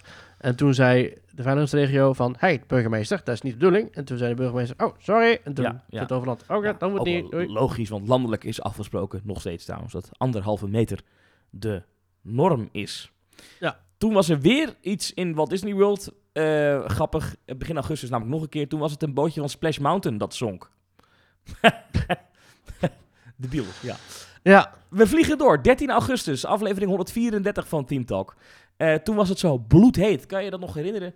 Dat ja, heerlijk. in die periode het bijna iedere dag boven de 30 graden was. Soms zelfs 35 graden. Was het maar weer. Ik hou daar echt van. Ja. ja, ja. Ik ook. Ik ben fan van hitte.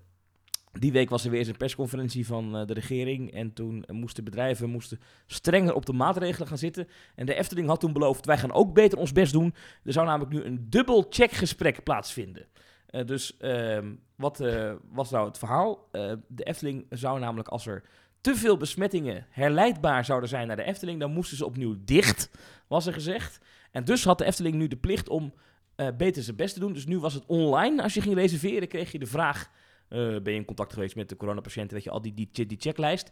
En bij de ingang nog een keer. En dat heeft de Efteling, denk ik, precies 30 minuten volgehouden. Want volgens mij is het bij de ingang, hebben ze dat helemaal niet meer gedaan op een gegeven moment, toch? Oh, jawel. Ik ben zeker wel. Iedere keer als ik daarna nog naar de Efteling ging, dan hing er dus die, die uitgeprinte lijst bij elk hokje. En Ja. dan zei de medewerker, die wees dan naar die lijst en zei die, wat doen jullie hier aan? En dan was het ja of nee. Maar natuurlijk gaat iedereen ja zeggen. Maar Toen was het inmiddels half augustus. Toen ben ik met Mark eh, voor aflevering 135 naar Toverland geweest. Dat was echt een heerlijke dag. Bloedje heet. Het was helemaal niet druk ook in dat park. En we hebben echt een heerlijke dag gehad in Toverland. Ehm mocht je Ja. dat terug willen luisteren, aflevering 135, zit ook heel veel geluid in vanuit het park. Ehm, en daar zat nog wel leuk nieuws in dat de Efteling toen een bijzondere prijs weg ging geven. Namelijk eh, een Efteling-achtbaan naar keuze kon je een uur lang na sluitingstijd winnen. En er was aan ons de vraag, welke achtbaan kiezen wij? Maar ik heb het helemaal niet meer aan jou gevraagd, dus ik vraag het nu mee van jou. Welke achtbaan kies jij? van de Efteling? Ja. Mm, Hij is een uur lang voor jou. eh, ik denk de Baron? Ja. Nee, Joris en de Draak. Oh. Dat vind ik leuk. En dan, maar ja, ik weet niet of je ze dan allebei mag. Nou, eentje is goed. Is allebei ongeveer hetzelfde. Jij zegt het. mag ik Ja. dan mee of niet? Ja, daar mag je wel mee. Nee, dan moet jij, en dan moet jij en de andere. Heel tegen elkaar racen. De tijd vliegt, want dan is het inmiddels begin september. Ja. Team Talk 136. En die heeft Er zit de R in de maand. duimen omhoog voor Disneyland Parijs. Ja. Eh, want jij eh, ging daar naartoe. En jij was enorm blij. Ja, ja, ik heb daar een heerlijke vakantie gehad. Ja, eh, ga het even terugluisteren, zeker deze aflevering. Maar eh, we waren met uh, weer stel vrienden in, uh, in Disneyland Parijs, uh, gemondkapt en al. En ik had eerst echt, ik heb meerdere malen uitgesproken van, ach jee, als dadelijk Disneyland Parijs weer open gaat, dat wordt verschrikkelijk, dat wordt de hel. Met mensenmassa's, met schreeuwende kinderen, met dichte attracties, met halve wachtrijen, met nog lagere capaciteit, met vreselijk. maar niks van dat al.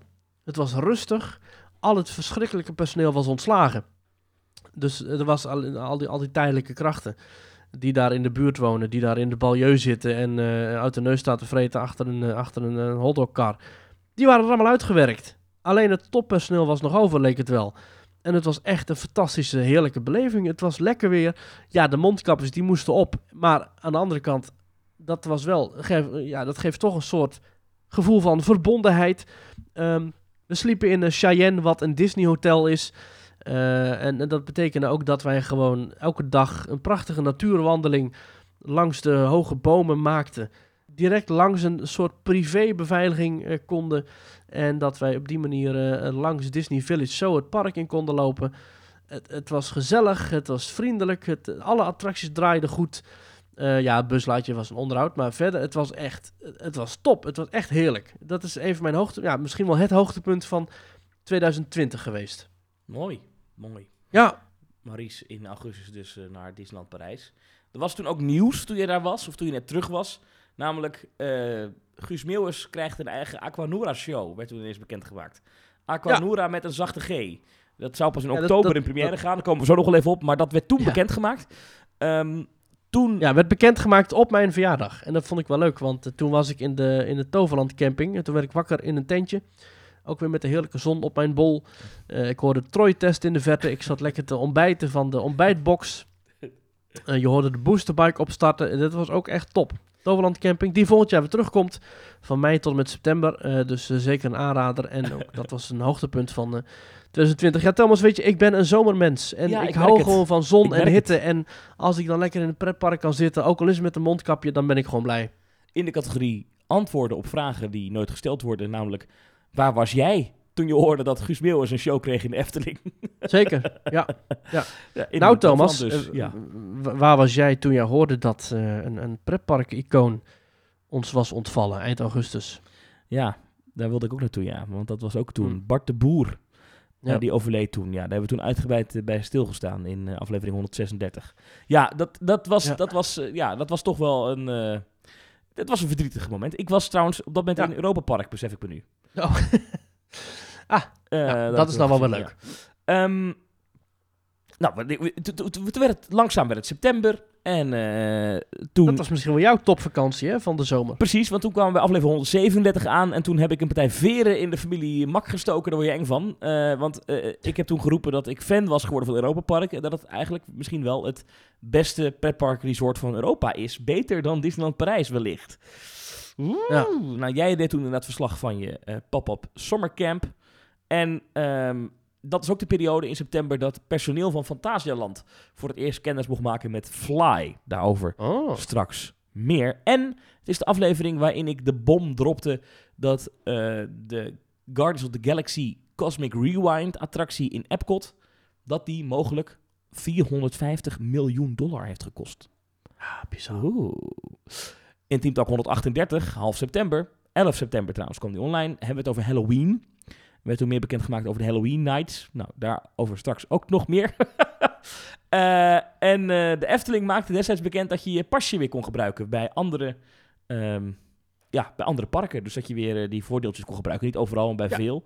En, ja, met je Efteling abonnement kon dat weer op veel plekken. Um, apart moment ja. destijds ja. om bekend te maken dat ze het gingen doen. Maar een moviepark maakte toen ineens bekend dat er volgend jaar een nieuwe achtbaan zou komen. Ja, inderdaad. later werd er meer over bekend een, uh, een, een achtbaan, een multi-dimension coaster. Um, Moviepark Studios gaat die heten, waarin we eigenlijk een, een, een, een, een rondrit krijgen over, ja, door studios, filmstudios heen, met daarin knipogen naar het verleden van Moviepark Germany, of eigenlijk dus Warner Brothers Movie World.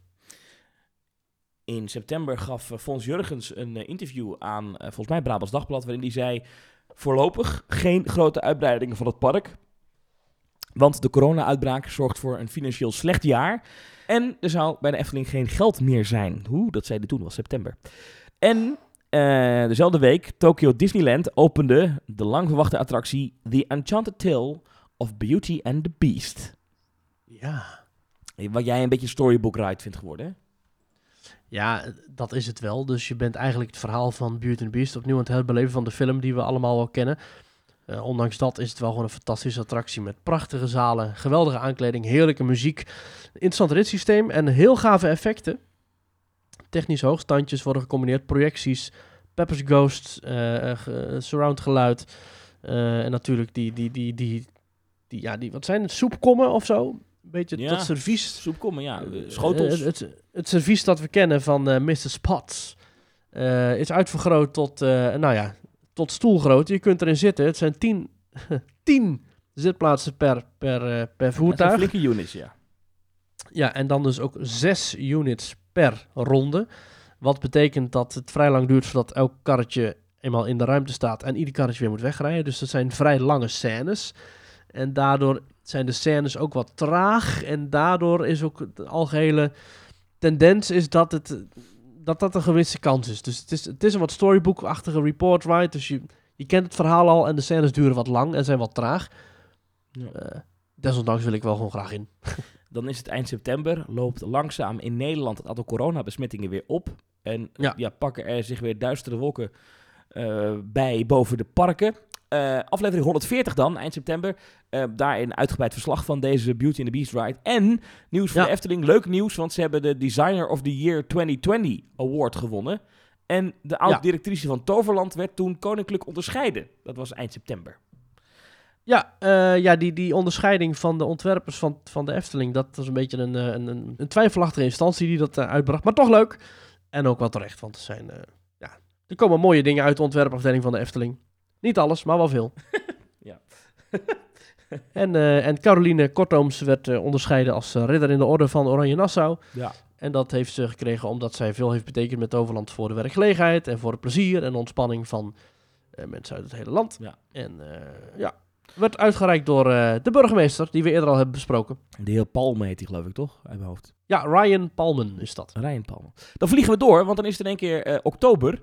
En dan zijn wij een weekend weg geweest, Maurice. In Team Talk 141 een uitgebreid verslag uit Rookburg. Het nieuwe Oh. themagebied van Fantasieland. En wat waren wij enthousiast. Ja, jij had nog geen veren meer over na je bezoekje aan Europa Park, Oh. maar eh, je kon er wat van mij lenen. Ja, het was top. Het was echt eh, mooi opgezet, gave achtbaan, prachtig gebied ook, gaaf hotel. Ehm, luister dat ook zeker terug. En als je ons steunt via petje.af slash teamtalk, krijg je er nog een bonusaflevering bij cadeau waarin wij ons, ons, onze mening geven vanuit het Rookburg Hotel Charles Lindbergh. Fly, wat een fantastische achtbaan. Ik heb er helemaal zin in. Ik wil weer terug. Ja. Eh, we hebben dan een week met echt alleen maar nieuwe dingen. Want een week later mogen we weer naar een pretpark komen. Op het moment dat niemand anders mag. Eh, dan mogen we naar de Efteling komen voor de première van Aquanura met een zachte G. Ja, we hebben daar Guus Meers nog even kort voor de microfoon gehad. Die eh, de introductie deed van de aflevering. Ja. Ook trouwens een dingetje. We zijn elke aflevering dit jaar begonnen met een cold open. Ja, met iets anders dan, eh, dan het muziekje. Ja. Een hallo.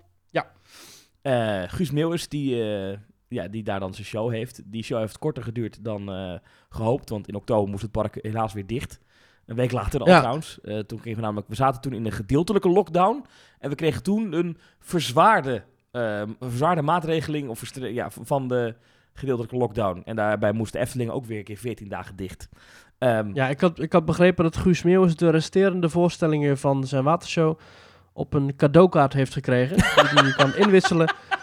Eh, je kan die inwisselen van dinsdag tot en met donderdag ja. eh, voor eh, drie uur 's middags. ja, en de Efteling deed er drie weken over om dat eh, aan mij mede te delen. Want ze moesten er toch nog een keer over vergaderen. Ja, en, en eh, als hij daar eh, klachten over heeft, dan krijgt hij binnen eh, negen werkweken een Ja, antwoord. want het klantcontactcentrum is niet bereikbaar. Hè? Die, daar zit één iemand en dat gaat niet. Precies. dat was Hij ook kan nog wel een abonnement afsluiten, dat kan wel gewoon. aflevering 142. ehm, was dat, waarin we dus uitgebreid verslag doen van die show. Was leuk op locatie, zo interviewtjes. Waaronder Zeker. ook een interview met Fons Jurgens. Die kent u misschien als de directeur van de Efteling. En hij deed daar een nogal opmerkelijke uitspraak. Eh, op de vraag, goh, waarom doe je dit nu? Hè? Het aantal coronabesmettingen in Nederland loopt weer op. Het wordt herfst. Waarom lanceer je dan een show waarbij veel mensen bij elkaar gaan staan? En waarop hij zei, we hebben het afgelopen jaar al zoveel uitgesteld. We kunnen het leven niet blijven uitstellen. En hij sprak daarbij ook de wens uit om als Efteling open te kunnen blijven tijdens de tweede golf. Nou, eh, Ja. dat is niet gelukt. Ja, ik vond het, ik vond het wel. Ik, het interview heb ik laatst nog een keer teruggeluisterd. Ik zat iets te hoog in mijn, iets te hoog in mijn stem en in mijn energie in dat interview, vond ik zelf. Een beetje te, te heigerig. Maar eh, ik vond het een vrij hallucinant gesprek. Omdat hij ook aangaf dat eh, hij niet had gezien dat er in de zomer er, het wel eens mis was gegaan in de Efteling. Dus dat het wel eens te druk was geweest. Of, en dat hij had ook helemaal niet meer gezien dat er incidenten waren geweest. Dat er wel eens mensen geen anderhalf meter afstand konden houden. En kijk, je mag natuurlijk, je hoeft niet eh, voor de microfoon te gaan zeggen: inderdaad, we hebben het echt verschrikkelijk slecht gedaan. Maar een beetje zelfreflectie eh, zou de man sieren. Want dit was, ik, het was vrij hallucinant. Eh, het is een beetje alsof je voor een brandend huis staat en zegt brandwaar. Huh? Eh, Een beetje, ja, het was gewoon heel raar. Wat vond ik, maar goed. Ehm, Nou, hij heeft wel overal in alle mogelijke media-uitingen verkondigd dat het het slechtste jaar ooit was. ja, dat het financieel ontzettend zwaar had en dat het vreselijk was en dat het allemaal heel slecht ging. ze En- zelf allemaal niks aan doen, hè? Lag allemaal aan de ander. Nee. Ehm, Ja. Aflevering 143 van Team Talk is een week later. Dan is het half oktober en dan is het weer slecht nieuws voor de Efteling. Het is echt, oktober was een hele slechte maand voor het park. Want ehm, eh, toen kwam er een uitspraak van de Raad van State. eh, waarin eigenlijk keihard Ja, ik heb, dat even, ik heb dat even gemist. Hebben we het daarover gehad eigenlijk? Dat is echt totaal... eh, Nee, dat is ook een van de onderwerpen van dit jaar geweest. Ja, ja. De uitbreidingsplan van de Efteling. Ja, de Efteling wil al, al jaren uitbreiden naast het park. In de buurt van... eh, ah ja, eigenlijk als je boven de Efteling hangt met een drone, wat niet mag...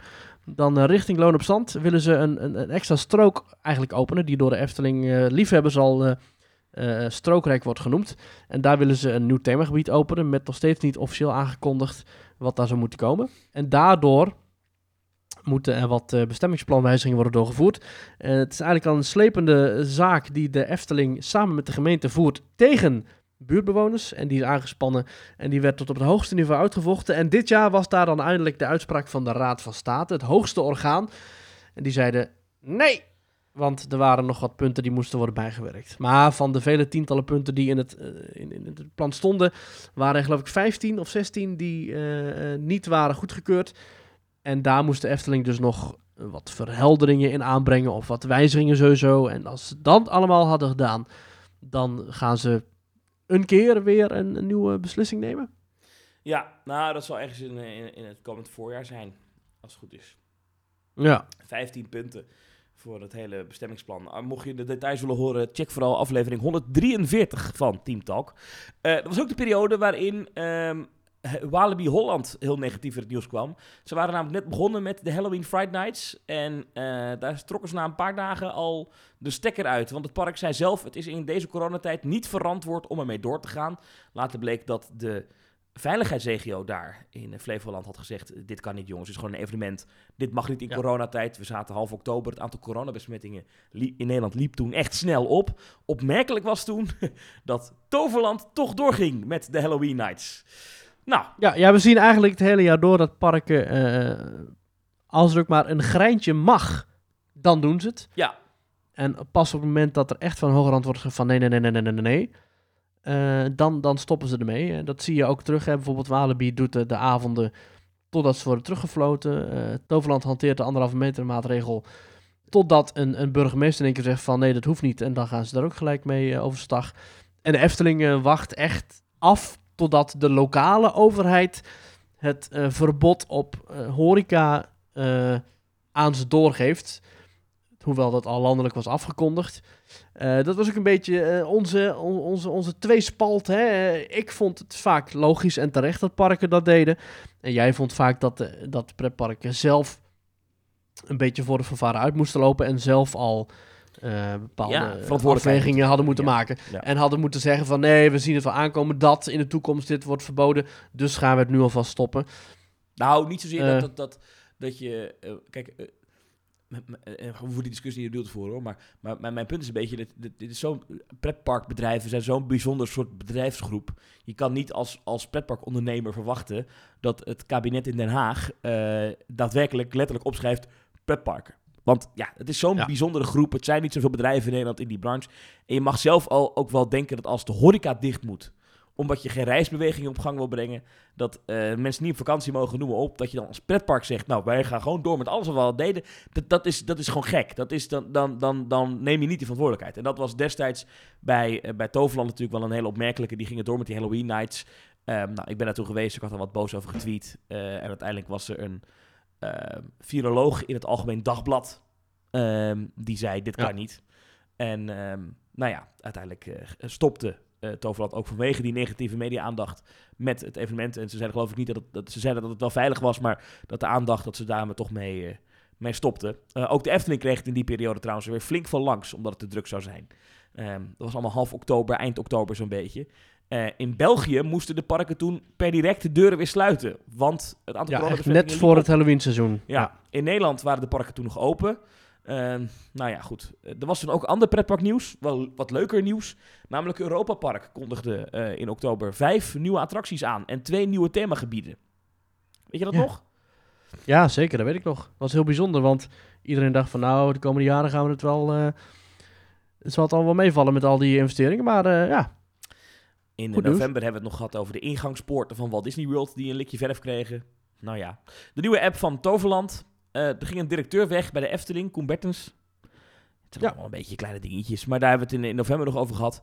Ehm, en toen in aflevering 146 eh, was het half, half november. En toen kregen we dus die verzwaarde maatregelen vanuit het kabinet. Eh, begin november werd aangekondigd dat de Efteling en andere doorstroomlocaties, theaters, die bibliotheken, weet ik veel, die moesten twee weken dicht. Ehm, nou, de Efteling ging toen ook dicht. De Efteling was eigenlijk het enige echte grote park in Nederland dat nog eh, open was. Toverland geloof ik ook nog, maar die gingen toen allemaal dicht.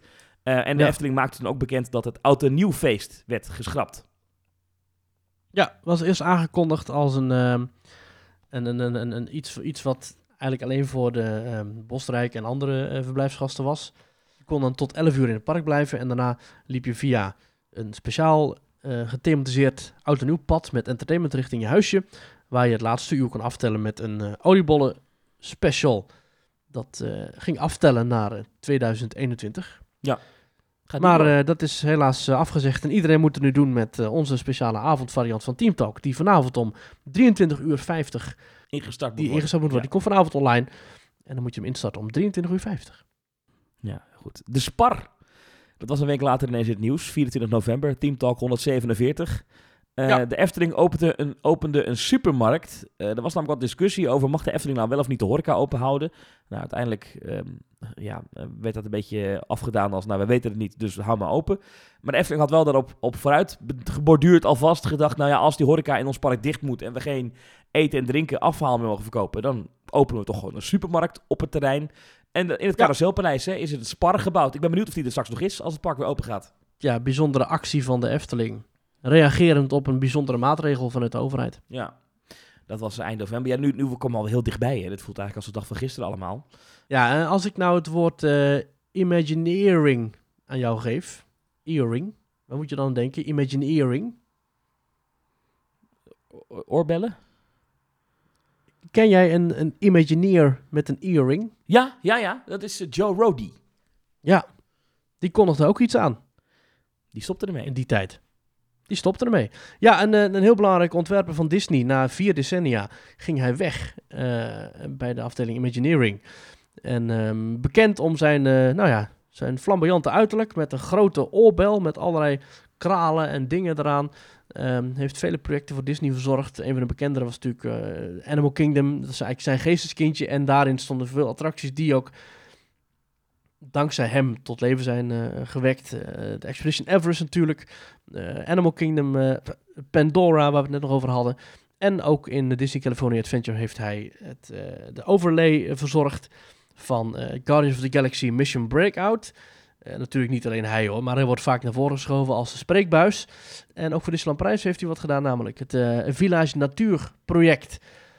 Dat een samenwerking is tussen Centerparks en Disneyland Parijs. Ja.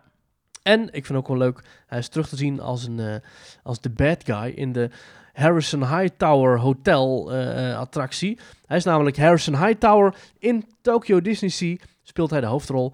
Is eh, zijn beeldenis gebruikt als, als hoofdpersoon van het karakter dat is vervloekt nadat hij een beeldje had gejat uit Afrika. Ja. Ja, Ja, Joe Rody, ja stop er gewoon mee. Ja, dat met pensioen. ook apart, ja. Ja. Ehm, dat, was allemaal in, in, in november, dus die spar. En ehm, toen werd het eh, langzaamaan december. En eh, nou, dat zit eigenlijk alweer een maandje geleden. Toen werd bekend inderdaad dat Movie Park eh, Germany, de achtbaan Movie Park Studios, gaat openen. Eh, meer details over die achtbaan. Een multi-dimension coaster waarin je dus Hollywood wordt ingezogen en je straks een filmverhaal gaat beleven in een achtbaan. Nou, daar gaan we het komend jaar het nog vaak over hebben, denk ik. En ik hoop dat we bij de opening kunnen zijn tegen die Dat tijd. zou mooi zijn. Ehm, en ja, begin december was ook de periode waarin de Efteling het echt wel zwaar voor de kiezen kreeg. Eh, de Efteling was namelijk twee weken dicht geweest, ging weer open. En het eerste weekend na de heropening eh, organiseerde de Efteling een ANWB-dag. Met eh, naar verluid 15.000 bezoekers. En een week later een dag voor klanten van energieleverancier Essent met 11.000 bezoekers. Nou, ik had daar wat over getweet en uiteindelijk gingen allerlei media daar ook weer mee aan de haal. En ehm, ja, daar, daar kreeg de Efteling eh, toch wel wat, wat kritiek op. Daar hebben wij heel veel over gediscussieerd in eh, begin deze maand. Nou ja, we discussiëren wat af, hè, Maurice? wat een onzin Ja. allemaal.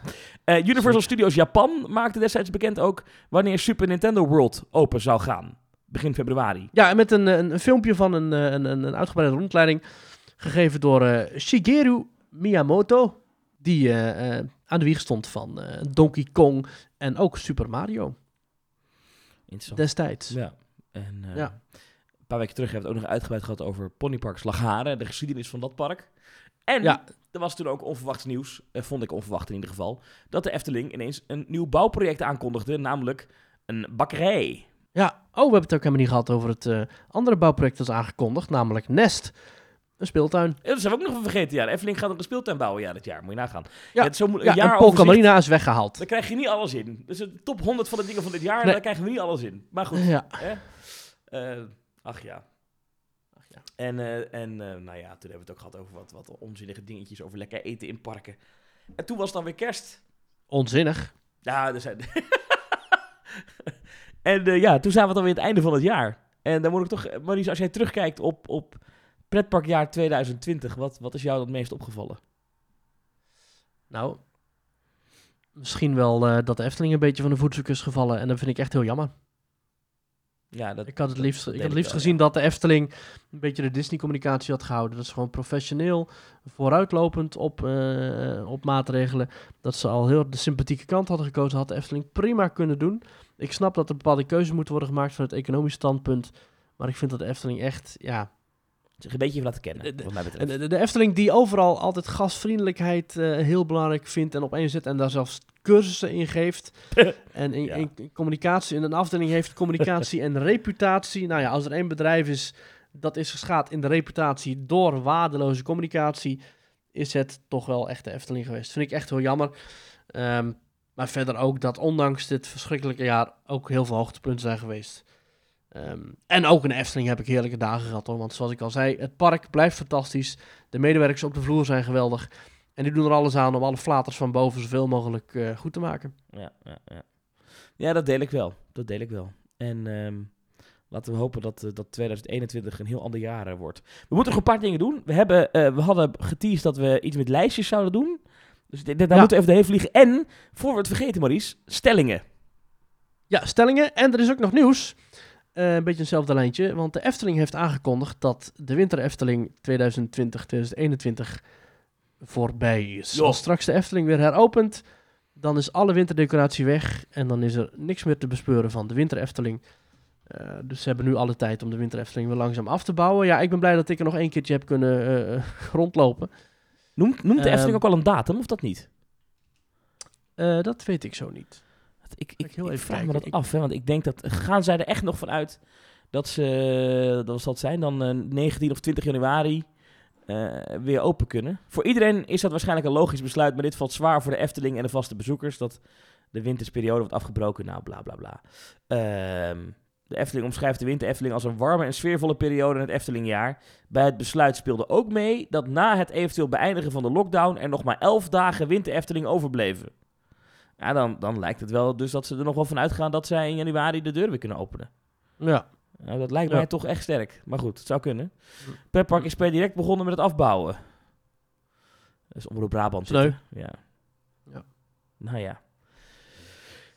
Ja, Ja, nou maar ja, eh, geen ja. winter Efteling. Dus- Ja, het was een kort seizoentje dan. Sneu, ik vind ook Ja. sneu. Winter Efteling leuk. En ze hadden best wel hun best gedaan met die, eh, met die warme winterweiden. Ja, ik ben er niet geweest, want ik vond het in die tijd niet verantwoord om een pretpark te bezoeken. Ehm, Ja. Maar ehm, ja, ach, eh, van die dingen. Ja. Van die dingen. Maar je zei het al, de stellingen, de Ja. stellingen, de stellingen. Wij hebben eh, ook dit jaar, volgens mij, geïntroduceerd de stellingen. Elke zondag eh, plaatsen we een stelling waarin we kunnen kletsen over... Ja, ehm, dit is jouw ding, hè? ik, ik, ik blijf daar altijd helemaal buiten. Ik laat me iedere keer verrassen wat je doet. Ja, is een beetje Ja. mijn kindje. Elke zondag dan eh, plaats ik weer eentje. En eh, meestal komen de resultaten uit op 50-50. Dat is echt heel grappig. Echt 49,8 versus 50,2. Ehm, maar het, de laatste tijd is het ook wel weer wat, wat uit verhouding. Dus dat is ook wel weer mooi. Dan heb je echt wel een duidelijk Mhm. eh, voorsprong in meningen. Zoals wij op 14 december de stelling, wat we moeten nog even wat inhalen. De poll die je wist die zou komen. Het is een slecht plan om de pretparken te sluiten. Met strengere maatregelen zouden ze best veilig open kunnen. Zoals een nog lagere capaciteit en een mondkapjesplicht. Nou, daarvan vond eh 75,7% vond dat eh, niet. Die zeiden nee, sluit de parken. En 24,3%, dus zo'n beetje een kwart, die zegt jawel, doe ze open. Eh, ja, Thomas, ik denk dat wij het allebei er wel mee eens zijn dat het nu toch maar goed is dat de pretparken dicht zijn. Om hopelijk, ja, zeker toen dachten we nog het laatste restje corona voor de inentingen, eh, om dat massaal uit te vagen. Maar eh, het lijkt toch niet helemaal de goede kant op te gaan. Zal- mag ik Ehm. een sombere voorspelling doen? En ik weet dat het heel gevaarlijk is om voorspellingen te doen. Ja, maar, Maar, doe maar. Eh, dit is een beetje gebaseerd op, op, op, op gevoel. Dus ik, het is niet helemaal gebaseerd op feiten. Maar ik heb ook wel wat mensen gesproken die echt wel... je weet, voor mijn werk spreek ik wel eens dat mensen die echt in die viruswereld Mhm. zitten en dat allemaal volgen. Ik denk Ja. serieus dat je er rekening mee moet houden dat, dat, dat het echt pas eind februari, misschien zelfs pas maart gaat worden voordat we weer naar pretpark kunnen. Ik denk dat je daar echt serieus rekening mee moet houden. Het zou kunnen hoor. Het, ik bedoel, we, we hebben wel gekkere dingen gezien. Maar het zou me echt verbazen als voor die tijd die parken open gaan. Kijk, en dan hopen we natuurlijk Ja. dat dan snel daarna... dat dat met die vac dat dat vaccineren allemaal heel rap gaat. En dat, dat, dat, dat al die maatregelen weer een beetje losgelaten kunnen worden. Er wordt ook gesproken over dat Lowlands eh, Festival in augustus door moet kunnen gaan. En er wordt zelfs over paaspop gesproken. Nou, dat is eind maart, begin april geloof ik.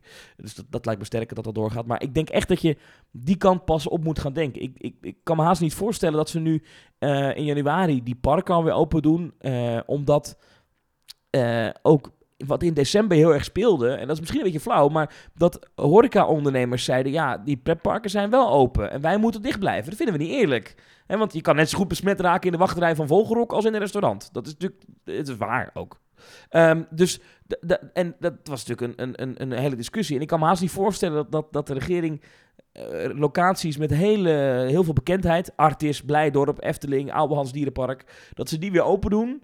En dat dan eh, Jan-Piet eh, Horeca eh, Café Restaurant op de hoek, dat die dan nog, nog heel lang dicht moet blijven. Ja. Ehm, dat Ja, een- het is ook een beetje- ja. Ja, het is natuurlijk een beetje de, de- Als je een beetje de reacties leest onder die stelling, zegt iedereen ook van ja, begrijpelijk. Het is onverantwoord om ze open te houden. Helaas, ook al, ook al heb ik zelf een abonnement. Ik hoop echt dat, dat het zo weer open kan. Maar nu is toch wel duidelijk geworden dat. eh bijvoorbeeld Itz Hammond zegt: Ik denk dat de afgelopen weken duidelijk is geworden dat parken gewoon niet open kunnen blijven. De Efteling heeft onder andere laten zien geld belangrijker te vinden dan Ja, gezondheid. dat is ook een beetje overdreven. Vind ik ook wat overdreven. eh, maar inderdaad, eh, ik zeg met pijn in het hart, zegt Steffert. Gewoon sluiten. We hebben al tijden beelden gezien van pretparken waar het gewoon niet lukt. En ik geef ze daarvoor niet de schuld. Want je vraagt iets van gasten waarvan je kunt verwachten dat ze er geen rekening mee kunnen houden. Ja, en dat is misschien wel onder de streep. Ook al doe je nog zoveel aan als park. Ook al plaats je nog zoveel spatschermen. Ook al dwing je mondkapjes af en vul je treinen maar voor de helft. Dan nog zul je er momenten tussen hebben dat mensen toch te dicht op elkaar lopen. Dat pleinen te vol en te druk zijn. Dan hadden we een stelling van 20 december. eh, waarin we zeiden dat de, voor veel pretparken is het nog niet duidelijk of er in 2021 voordeeltjes bij andere parken zijn. Zoals korting of zelfs gratis toegang. Als een park zo'n extra cadeautje niet kan aanbieden, dan moet die abonnementsprijs naar beneden. Dat kregen we vrij veel te horen. Eh, daarvan zegt 34,6% ja, inderdaad, dat is essentieel voor een abonnement, dus die prijs moet naar beneden. En 65,4% zegt eh, nee, dat is ondergeschikt, dus de prijzen mogen best wel gelijk blijven. Ik koop ook een abonnement als ik daar geen voordeeltjes bij haal bij andere parken. Hmm. Hmm. Hmm. Ja, ja, ik, ik zeg, eh, ik, ik vind het een leuke bijkomstigheid. Maar in principe koop ik een abonnement voor het park zelf. Eh, ik vind wel bijvoorbeeld een goede zaak dat Efteling heeft aangegeven dat de prijzen niet gaan stijgen volgend jaar. Dat vind ik, een, Ja, dat vind ik dan in ieder geval een mooi compromis. Dat de prijzen in ieder geval niet omhoog. Ja, ik, ik, ik durf, ik weet het natuurlijk niet, hè, want er zijn geen cijfers van. Maar ik kan me zo voorstellen dat de Efteling het afgelopen jaar heel veel abonnementhouders is verloren. Ja. Denk Ja. je niet? Ja, ja, ik weet het niet. Ik weet het niet. Eh, Tom Zegers zegt, aangezien sommige parken momenteel nog steeds actief promoten met deze voordelen.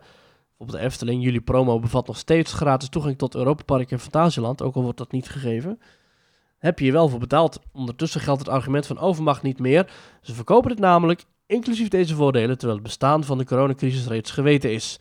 Het is dus duidelijk dat als een park niet aan die verplichting voldoet, er compensatie moet zijn. Ja, dat, dat is dan ook wel weer dan zeg je wat.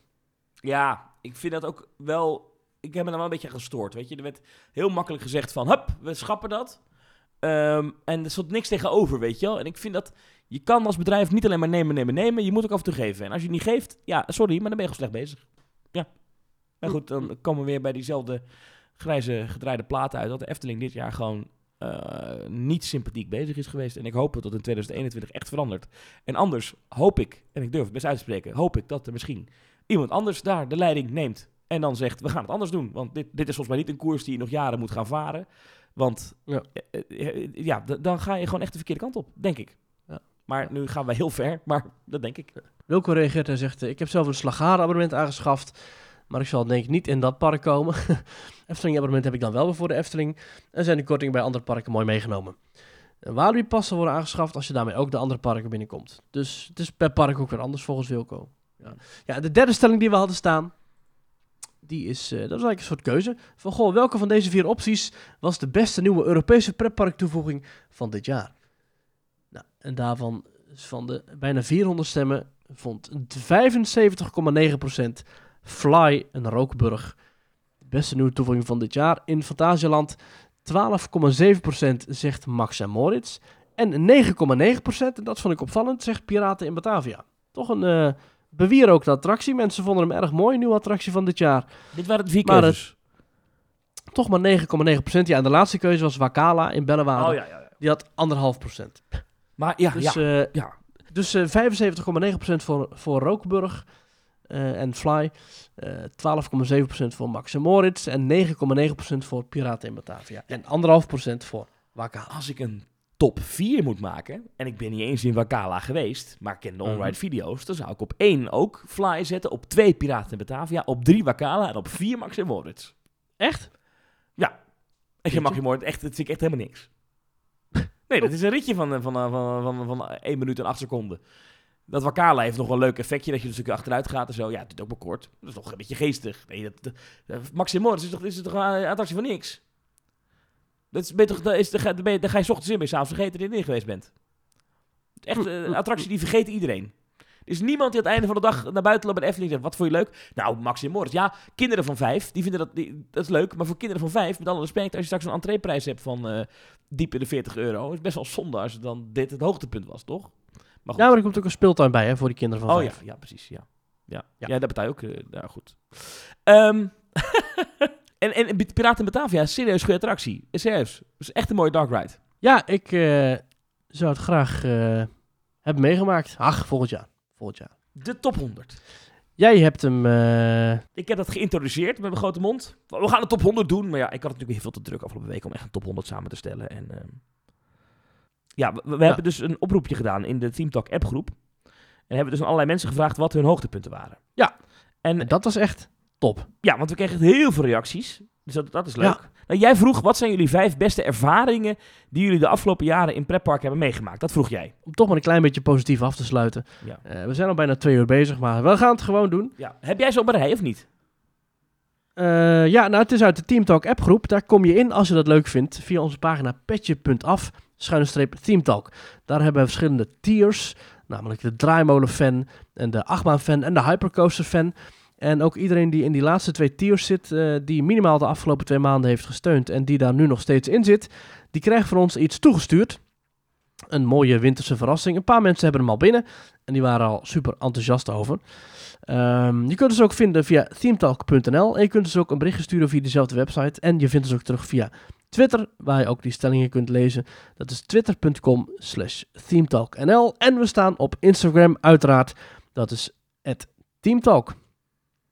Ehm, en tot zover het sociale blokje. We gooien het lekker door elkaar. Uh, wij hebben dus een uh, paar hoogtepunten van onze luisteraars. En dat zijn hoogtepunten van bijvoorbeeld Simon. Hij heeft ondersteund bij Goliath tijdens de Friday Nights. En hij heeft Efteling Monopoly gespeeld. Hij heeft uh, zijn eerste rondje Untamed dit jaar gemaakt. Ja, Untamed staat er al een tijdje. Mm -hmm. Maar hij vond het zeker een hoogtepunt. Het eten in Ravelijn vorig jaar. Dat was ook een hoogtepunt voor hem. Heb je wel eens gegeten in Ravelijn, Thomas? ja, een keer op een bedrijfsfeest. En toen was ik aan oh. het, moest ik optreden als disjockey. Maar uh, ja. ja, was lekker. Ja. Zo'n enorme bak vreten krijg je dan op tafel. Hè? Kip geloof ik was het. ik vind het wel lekker. Ja, ik vond het ook lekker. Nee, uh, bak vreten bedoel ik positief. ah, op die manier. Ja, ja, ja. ja. En Simon is ook erg positief over zijn eerste keer naar Disneyland Parijs als volwassene in juni 2019. En vooral de eerste keer in Phantom Manor. Ja. Dat sindsdien zijn favorite ride is. Oh, ik heb uh, zin in de muziek van Phantom Manor. Die ga ik zo even opzetten. Oh. Marvin de Roy, die is, uh, heeft geabsteld van de Looping Star in Slagharen. Ja, die is al een tijdje weg, hè, die Looping Star. Hoe gaaf. Ook wel willen. Maar goed, die, uh, die, die heeft daar dus vanaf geabsteld. Hij heeft ook Rookburg en Fly bezocht en hij heeft geslapen op die camping van Toverland. Dus dat is ook allemaal dit jaar geweest. En hij heeft de lifthill van Troy beklommen in Toverland. Nou, dat is gaaf, dat heb ik nog nooit gedaan. Heb ik wel ooit gedaan. Hmm, cool. En wat ook een hoogtepunt voor hem was in de pretparkwereld, was met een hele groep pretparkfans crisscross door Adventure Island in Engeland rennen om in drie kwartier nog snel alle acht maanden af te kunnen tikken. Ja, ja. het ene personeelslid vond het geweldig, die energie, en het andere personeelslid die uh, had er wat minder mee. Jorik die, die zegt uh, dat zijn eerste pretpark vliegvakantie, hij zegt, alleen oh. niet, hij zegt alleen niet bij waar naartoe, maar uh, dat was voor hem het hoogtepunt van dit jaar. zijn exclusive ride time, zijn ERT op Taron. Ja, vet. Wij hebben een ERT ja. gehad op Fly. Uh, maar ja, en, ook, uh, zeker niet gek. Toen ik, uh, ja, het hoeft niet per se van dit jaar te zijn. Ik sliep vorig jaar in het hotel Matamba bij Fantasieland. En ik kreeg dus ook een uur lang een extra ride time van Taron. Nou, dat is echt geweldig. Taron is sowieso mijn lievelingsachtbaan ooit ever. En om daar dan een uur lang met andere hotelgasten in te mogen gaan, was ook fantastisch. Ja, heerlijk. Heerlijk, heerlijk, heerlijk. En hij zegt verder dat hij ook de Toverland Midzomeravonden als hoogtepunt ziet. En een evacuatie uit de Vliegende Hollander. Oh. Met zo'n bootje ja, hij zegt, met, met zo'n bootje werd je... Oh, dat is ook wel gaaf. Hmm. Oh, hij zegt de eerste pretpark vliegvakantie voor hem was PortAventura en Ferrariland. Hmm. Okay. Ik wil er ook nog een keertje naartoe. Ik ben er nog nooit geweest, maar ik wil dat wel een keer doen. Ja. Jan heeft een drie weken durende pretparkreis gemaakt met een gekke groep Nederlanders en enkele Belgen door Oost-Amerika. Vorig jaar juli. Met als hoogtepunten onder meer nachtritjes op The Beast en een extra ride time op Lightning Rod, Steel Curtain, Gatekeeper, Valraven of Apollo's Chariot. Ik heb daar allemaal nog nooit in gezeten, maar het klinkt wel gaaf. Openingsceremonie van Klugheim en Taron bijgewoond. En op openingsdag als, uh, als eerste bezoeker uh, van de dag Rookburg en Fly betreden. Ja, dat is ook vet, hè? Dat kan als je in het hotel slaapt of als je in het park heel vroeg aan de poort staat. De zomeravonden van de, van de Efteling vond hij in juli vond hij, uh, vrijwel alleen in het park. Prachtig. Um, het was uh, super heeft hij gemaakt in lege treintjes. Hij heeft heerlijk genoten. En Tokyo Disney aankomen en door alle medewerkers toegewuifd te worden op weg naar een lege wachtrij voor Journey to the Center of the Earth. Ho! Nou, het zijn als even voor de duidelijkheid, jij hebt niet gevraagd afgelopen jaar, maar de afgelopen jaren. Dus het zijn ja. niet allemaal mensen die dingen gedaan hebben dit jaar, maar de afgelopen jaren. Uh, ja. Stefan, die stuurt nog wat hij, uh, een van zijn hoogtepunten, eigenlijk zijn nummer één hoogtepunt, uh, is de opening van Baron 1898. Daar mocht hij bij zijn. Mm. Was jij daar ook niet bij? Ja, ik mocht toen met een vriend personeelslid mee, dus dat was heel gaaf. Toen was in de avond. Dus mijn eerste ritje in Baron 1898 was s avonds. Oh, gaaf. heel vet. Uh, wintertraum in Fantasieland. Maakt niet uit welk jaar, zegt hij. Uh, was allemaal goed. Ja. Uh, een week naar Port Aventura met een nachtelijke rit op Shambhala. Hè, de B&M Hypercoaster die er staat. Vette achtbaan, jongens, Shambhala. Oh, op die heuvel. Echt gaaf. Port Aventura, zo leuk. Ik geloof het gelijk. dat mijn kinderen groot genoeg zijn om mee te gaan in coasters. Dat was ook een hoogtepunt voor hem. Ja, dat, kan ik me ja, dat lijkt me ook een mooi moment. Ja. Als ik ooit kinderen heb die dan opgroeien... en dan gaan we dan samen in inderdaad een, een achtbaan waar je een bepaalde lengte voor moet hebben. En Stefan is ooit in uh, Cedar Point geweest, in Amerika. Ben ik nooit geweest, zou ik wel heen willen. Hij heeft daar in een monster truck gezeten, weet je, met zo'n zo'n auto met zo'n enorme wielen. Nee, best wel cool. Ja. Sylvain die, eh, die heeft het over Flight of Passage beleven. Ja, terecht, want wat is dat? ja. Een gave attractie. De heropening van de Efteling en de sluiting van de Bobbaan noemt hij ook als twee eh, bijzondere Ja, hoogtepunten. was inderdaad een bijzonder Rise ook wel afgelopen jaar. Vorig Ja, jaar. zeker. ja. Rise of the Resistance. Ja, goed, we hebben het ook al vaker over gehad. Wat een fantastische attractie. Oh. Lijkt mij dat. ja. En, Ja. en de Universal City Walk. Dat is een stuk tussen de twee parken van Universal in, in Orlando. Dan heb je allerlei donutwinkels en restaurants. Ja, dat is ook wel, ook wel Ik weet ook dat ik, dat ik ooit, eh, ooit eens met, eh, in, in Los Angeles was met iemand en die toen ging ook naar Universal en die vond ook die City Walk zo leuk. Dat is gewoon een, winkel, Ja. een winkelcentrum, toch? Ja, met een heel groot Ja, maar is ook leuk. Ik, ik vind bij Disney, Disney Springs ook heel gaaf. Is er, is er een winkelcentrum? Nou, oké, ja, maar ik begrijp die hype niet. Maar ja, ik vind het ook leuk. Ik bedoel, ik zeg geen tegen, maar eh, oké. Boardwalk van Disney. Ik vind de Disney Springs dus heel gaaf. En ook die City Walk vind ik leuk. Dus eh, gewoon een extra stukje, net iets wereldser, maar toch in de stijl van een pretpark. Ik hou ervan. En zeker als het in Amerika is, geweldig. De hoogtepunten van Tristan. Zijn eerste reis naar Walt Disney World. Nou, lijkt me logisch. Eh, Ja. Ook een exclusive ride time op Taron. Vet. Tristan heeft ooit Baron beklommen. Dus de lift heel. Hè? Hoe dan? Hij werkt daar. Was hij Eh, baldadig hij of zit hij bij een stuk te Hij werkt daar, hij werkt daar. Eh, op vier, Ah. de diverse persopeningen van attracties. Ja, veel mensen, dat blijft er toch wel bij. Als je een van de eerste bent in een achtbaan. Wij waren ooit eh, het, het, het, allereerste treintje met normale bezoekers in eh Untamed. Ga ik ook nooit meer vergeten. Mm. Zaten wij in, hè, Ja, Maurice? Ja, hij zegt herkend worden bij de Tower of Terror. Ik weet niet hoe hij herkend wordt, maar hij werd herkend door een medewerker daar blijkbaar. En als bonus zegt hij nog op zes... mijn eerste decorstukken maken die in een pretpark terechtkwamen. Ja, hij werkt dus Oh. ergens bij een pretpark. Hij schildert, volgens Dat mij. is Hij is volgens mij schilder. Verf en zo. Nou ja. Lijkt me ook wel gaaf dat je iets hebt gemaakt en dat je weet van dit staat vanaf nu voor altijd in een pretpark. Hier gaan honderdduizenden mensen, miljoenen mensen per jaar naar kijken. Ja. Lijkt me vet. En door. Ja, Mark Versteden. Ja, Rise of the Resistance met vroeg opstaan. Ja, Thomas, daar was jij bij. Ja, daar was ik bij, ja.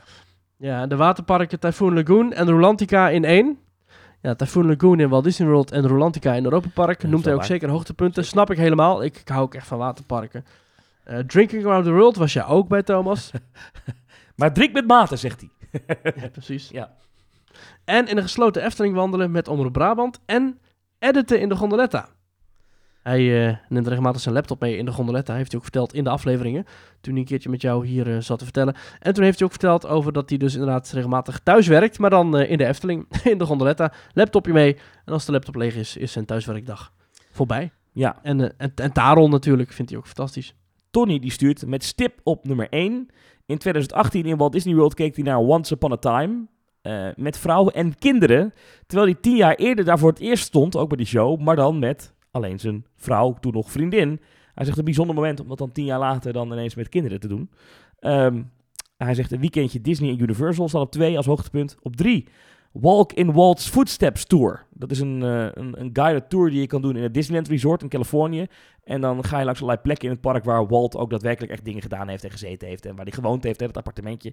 Eh, of gewoond, waar hij wel eens verbleef. Ehm, dat is een, een, een guided tour in eh, Anaheim. Eh, was voor hem een hoogtepunt. Hij heeft een Lijkt me heel gaaf. ja, lijkt me heel gaaf. Ja, staat hoog op de lijst. Eh, hij heeft een trackwalk gedaan eh, bij de Robin Hood, hè, de achtbaan die nu untamed is in de Walibi Holland. Dat is al wat langer geleden. En ook voor hem hoogtepunten zijn de feestelijkheden en de openingen in de parken. Ja, blijft veel Ja. mensen toch bij. Hè? Als een nieuwe achtbaan open gaat, dat zijn bijzondere momenten. Ook voor hem een hoogtepunt. Ik hoop dat we daar weer gauw naartoe kunnen. Naar, naar openingen van nieuwe zaken. Als we nog mogen komen na alle commentaar die we hebben gehad. eh Ja, ah, dat de Efteling weer een nieuwe achtbaan heeft, dan zijn ze het weer vergeten. Joh. Fenna zegt eh, als castmember in Disneyland Parijs voor het eerst in werkkleding Main Street oplopen. Lijkt me ook heel tof. Ja, Dus 's ochtends vroeg. Volgens mij staat er wel alles al aan, alle muziek. Dat is wel tof. dat denk ik ook wel, ja. De rondreis door de USA gedaan. Alle Disney en Universal parken bezocht in vijf weken. Scare actor en ride operator geweest in Walibi World. Dat is lang geleden, 2005 tot en met 2008. Eerste RMC gedaan in Colmarden. Voor Untamed nog eh, kwam. Ja, ik had nog nooit van RMC echt gehoord. Totdat dus Untamed werd aangekondigd. Hm. En de eerste flying coaster van Fenna, Tatsu. In eh, de USA. Chris, geweest, die, maar eh, Fenna wel. Ja, Chris die heeft als hoogtepunt tientallen bezoeken aan Disneyland Parijs. Na tientallen bezoeken de eerste keer met zijn zoon. Die was toen net twee. De blik in zijn ogen toen hij Mickey voor het eerst ontmoette in de Meet Mickey attractie bij Peter Pan's Flight daar. Onbeschrijfelijk en onbetaalbaar. Voor de rest, Eurocard, Mastercard, zou ik zeggen. Ook letterlijk, als je naar buiten komt gelopen, kun je een eh, onbetaalbare foto kopen. Hij heeft als tweede hoogtepunt Shambhala by Night. Oftewel die hypercoaster van B&M in eh PortAventura. Hij zegt, dan heb je zicht op de verlichte kustlijn van Salau. Prachtige setting met een aangenaam klimaat, zelfs om middernacht. Dat is heel gaaf inderdaad. Op drie, de Ja. cupcake in Universal Orlando. Mijn vrouw wou per se een cupcake proeven, maar kreeg, hem, eh, kreeg maar een paar happen daarvan binnen. Ik heb de rest binnengespeeld. Dat was zo zwaar als beton, maar erg lekker. Bleek achteraf wel 3000 calorieën te bevatten, die cupcake. Ja, je hebt ook van die enorme donuts. Ja, heerlijk. Ik heb het ook wel eens een keer op en dan ben je... Dat dat- zijn we die donuts, die zitten zeg maar qua formaat een beetje tussen een cd en een LP in. Het is gewoon een taart, man. Dat is gigantisch. Geweldig. Eh, op vier, de rit in Superman The Ride in Six Flags Magic Mountain in Californië. De rit was niet slecht, maar mijn buurman zijn pet vloog van zijn hoofd. Ehm, en, eh, oh, eh, die viel van zijn hoofd af en dan, dan draai je achterwaarts. Hè? Dat is een, eh, zo'n 4D-coaster. En toen viel hij weer op zijn schoot. Nou, dat is toch bijzonder. Kijk, dat is makkelijk. Eh, hij zegt hilarisch en niet te geloven als je het zelf niet meegemaakt hebt. Nou ja, op zich een hoogtepunt. En vijf, de mooiste herinnering is ongetwijfeld mijn huwelijksaanzoek vijf jaar geleden in Disneyland Parijs. Ik was steeds van het gedachte om een aanzoek eh, op een deftige en originele manier te doen. De enige plaats die daarvoor geschikt was, was Disneyland Parijs. Mijn vrouw was toen acht maanden zwanger van ons eerste kindje. Ik was dus niet 100% zeker of ze het zag zitten om de trip nog te doen. Dus simuleerde ik een gewonnen wedstrijd via Dreamland, ik weet niet wat dat is, en stuurde ik haar een brief als winnares van de wedstrijd. Eh, alsof ze dus zogenaamd had gewonnen had. En Ja. eh, nou, hij vertelt uitgebreid dat hij in het, in het Disneyland Hotel hebben ze geslapen. En eh, in de brief die had gestuurd stond dat er om drie uur een verrassing zou zijn op de eerste verdieping van het kasteel. Ehm, Dat is slim. ze dacht dat het een ontmoeting met Mickey was, eh, maar de bedoel- bedoeling was om haar daar ten huwelijk te vragen. Toen we daar aankwamen en de verdieping afgesloten was, ehm, eh, heeft hij de castmember zijn verhaal gedaan, maar die castmember wilde niet meewerken. Ehm, mijn vrouw heb ik moeten kalmeren, want die wou die castmember lynchen. Wij dan maar naar de grot onder het kasteel, waar de draak zit. Eh, en eh, net als ik door de knie wil gaan, eh, dus op zijn knie wil gaan, stormt een enorme groep Japanners voorbij. Weg romantiek.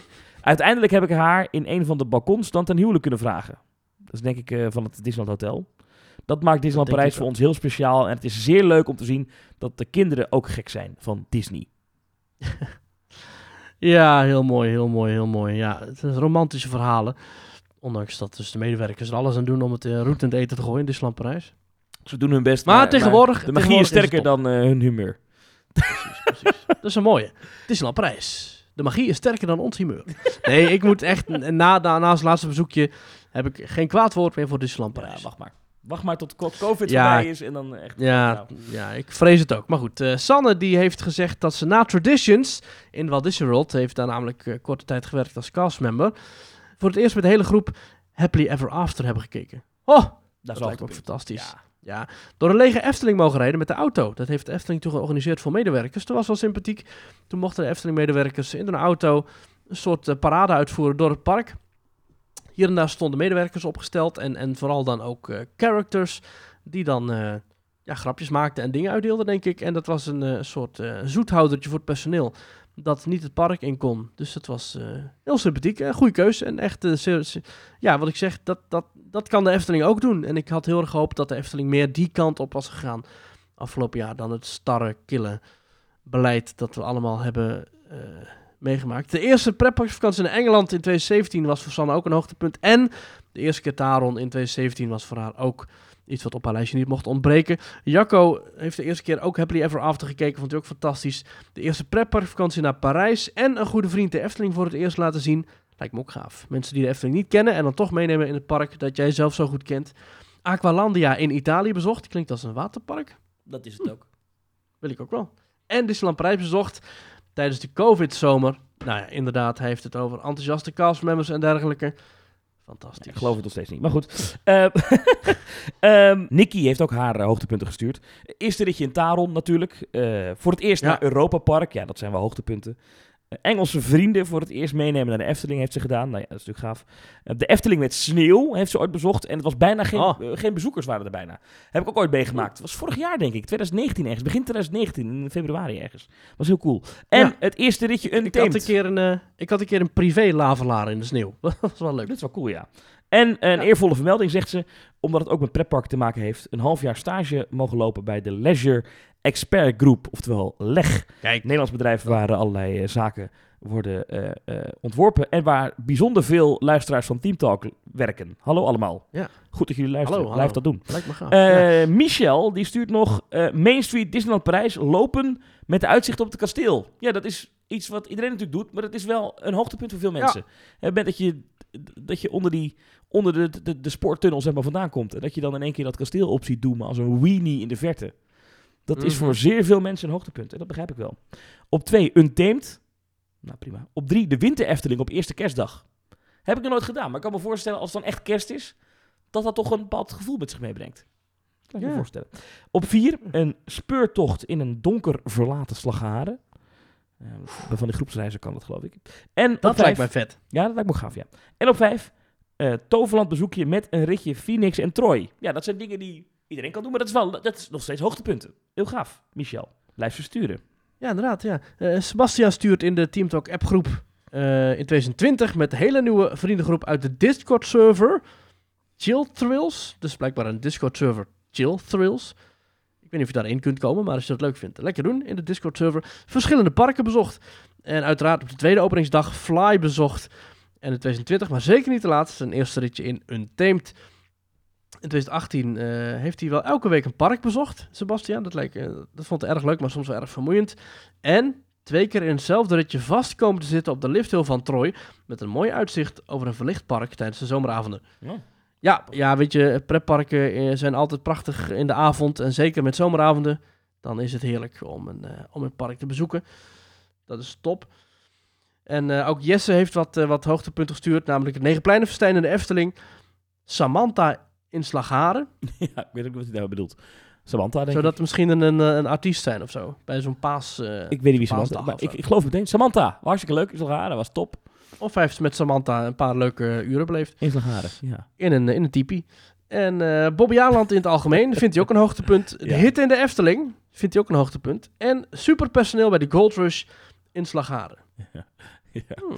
Remco, die stuurt eh, niet op volgorde, dus het is gewoon willekeurig. De VIP-ervaring bij Fly. Nou, die hebben we ook eh, gehad in Fantasieland. Fantastisch. De opening van Zadra. eh Energielandia is dat volgens mij. Was daar iets te enthousiast bezig met social media. En zat er bijna eerder in dan de directie. Gaaf. Kijk, de opening van Taron is voor hem een hoogtepunt geweest. Lopend in het donker door Kloekheim. Ik heb Kloekheim nog nooit in het donker gezien. Ben benieuwd hoe dat oh is. ik wel. Gaaf. Ja, heel vet. Eh, bezoek aan Kolmarden. En de opening van Untamed, zegt hij ook. En Almaarden. een honorable mention, oftewel een eervolle vermelding voor de opening van Fury in Bobbejaanland. De eerste Oh. rit meteen achteruit, nadat we eerst hebben zitten bunkeren bij de Burger King. Kortom, dan ben je best een beetje misselijk, kan ik me zo Ik voorstellen. kon er twee keer van genieten. Eh, en Robert, of Robert, eh, die stuurt nog zijn allereerste bezoekje aan Disneyland Parijs een paar jaar geleden. Was voor hem een hoogtepunt. Met vrienden die ik toen grotendeels nog nooit in het echt had gezien. Ben benieuwd of daar het verhaal achter is. Eh, op twee, een week vakantie in Duitsland. Met daarbij bezoekjes aan Fantasialand, Europapark en Holidaypark. Kijk, dat is allemaal één zo'n zo'n strip naar beneden. Hè? Dat is een mooie, goede Dat is leuk hoor, zo'n eh, zo'n pretparkvakantie. Heb ik ook Zeker. een paar keer gedaan. De eerste rit in Taron, vergeet je nooit meer. Die Horen we vaak. Vooral die, tweede, Ja. die, die versnelling bij de Ja, tweede. Dan denk je echt, er gaat iets mis. What? Het hoort er echt bij. Ja. Eh, de abonnementhouders-preview van Symbolica viel toen misschien een klein beetje tegen. Maar dat soort exclusieve dingen voor abonnementhouders blijft gaaf. En Robert Ja. heeft het ook over Team Talk 100. En nu iets meer dan een jaar geleden in eh Toverland. Zeker. Met eh, 100 eh, eh, fans van Team Talk, vrienden. Was erg leuk toen. Ja, was geweldig. Nu inderdaad, ja, met aflevering 151 eh, op de band. Is het ook voor ons tijd, Thomas, om ehm, ja, afscheid te nemen van 2020. Ik eh, doe dat niet met heel veel eh, pijn in het hart. Ik vond het een verschrikkelijk zeker- jaar. Mogen jullie best weten. Ik vond het echt... ik heb echt een klote jaar gehad. Ik vond het niet leuk. Ik vond het... het- nee, ik vond het echt niet leuk. Oh. Ik kan niet wachten tot dat, tot dat gewoon 2021 er is. Serieus? Dit is de eerste keer dat ik met oud en nieuw niet melancholisch ben of wat dan ook. Dat ben ik normaal altijd wel. Nee, Ik ben gewoon moeite, blij. Moeite met afscheid nemen ook. Ook verhuizen vind ik moeilijk en zo. Eh, een auto, Ja. Ik kan geen auto verkopen. Ik, dat kan ik allemaal niet, want ik, ik kan moeilijk. Dingen weggooien vind ik moeilijk. Dus ik vind oud en nieuw altijd een moeilijke avond. Ik kijk er altijd echt Maar naar nu? uit. Een van mijn Ja. favoriete avonden. Nu denk ik, laat maar komen. 2021. Ik Weg. helemaal klaar met dit, dit hele jaar. Serieus. Ja. Ja. Op Bokken Ja, ik denk Thomas dat we echt, dat we echt een goed jaar eh, tegemoet gaan. Met, met inentingen. eh, hè, wat, wat we ook al vaak hebben besproken. Als het mag, dan Geef staan wij vooraan. prik. Geef mij die prik. Oh. En dan gaan wij lekker samen, hand in hand, naar alle Nou. pretparken. En dan gaan we weer, ook in 2021, tientallen nieuwe afleveringen maken van Team Talk. Ik vond het een heerlijk Team Talk jaar. Leuk carnavalsliedjes. Hand in hand. Pretpark gekkies. Hand in hand. Naar de overland. of het overland, dat past nog beter, ja. Dat, dat rijmt, dat rijmt. Ja. Ja. Thomas, dan, dan rest mij nog niks anders dan eh, eh, jou een ontzettend eh, gelukkig nieuwjaar te wensen. Ja, ja ook. Als het al niet lijkt op dit jaar, is het al goed. Ja. En eh, lekker van de oliebollen smikkelen. Dank aan alle vele tientallen luisteraars die ons steunen via Petje.af. En die ons de lijstjes hebben gestuurd in de WhatsApp-groep. Dank aan de nog veel meer luisteraars die ons via teamtalk.nl berichten hebben gestuurd. Die ons in pretparken hebben herkend. Die met ons op de foto wilden gaan in de afgelopen jaren.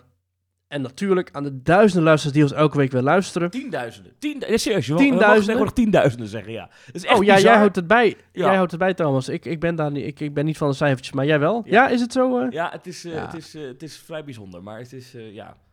Ja, tienduizenden is wel wat overdreven. Maar laat ik zo zeggen, als je alle luisteraars van een gemiddelde aflevering van Team Talk... ehm, en ik ken inmiddels de cijfers, dus ik kan het zeggen...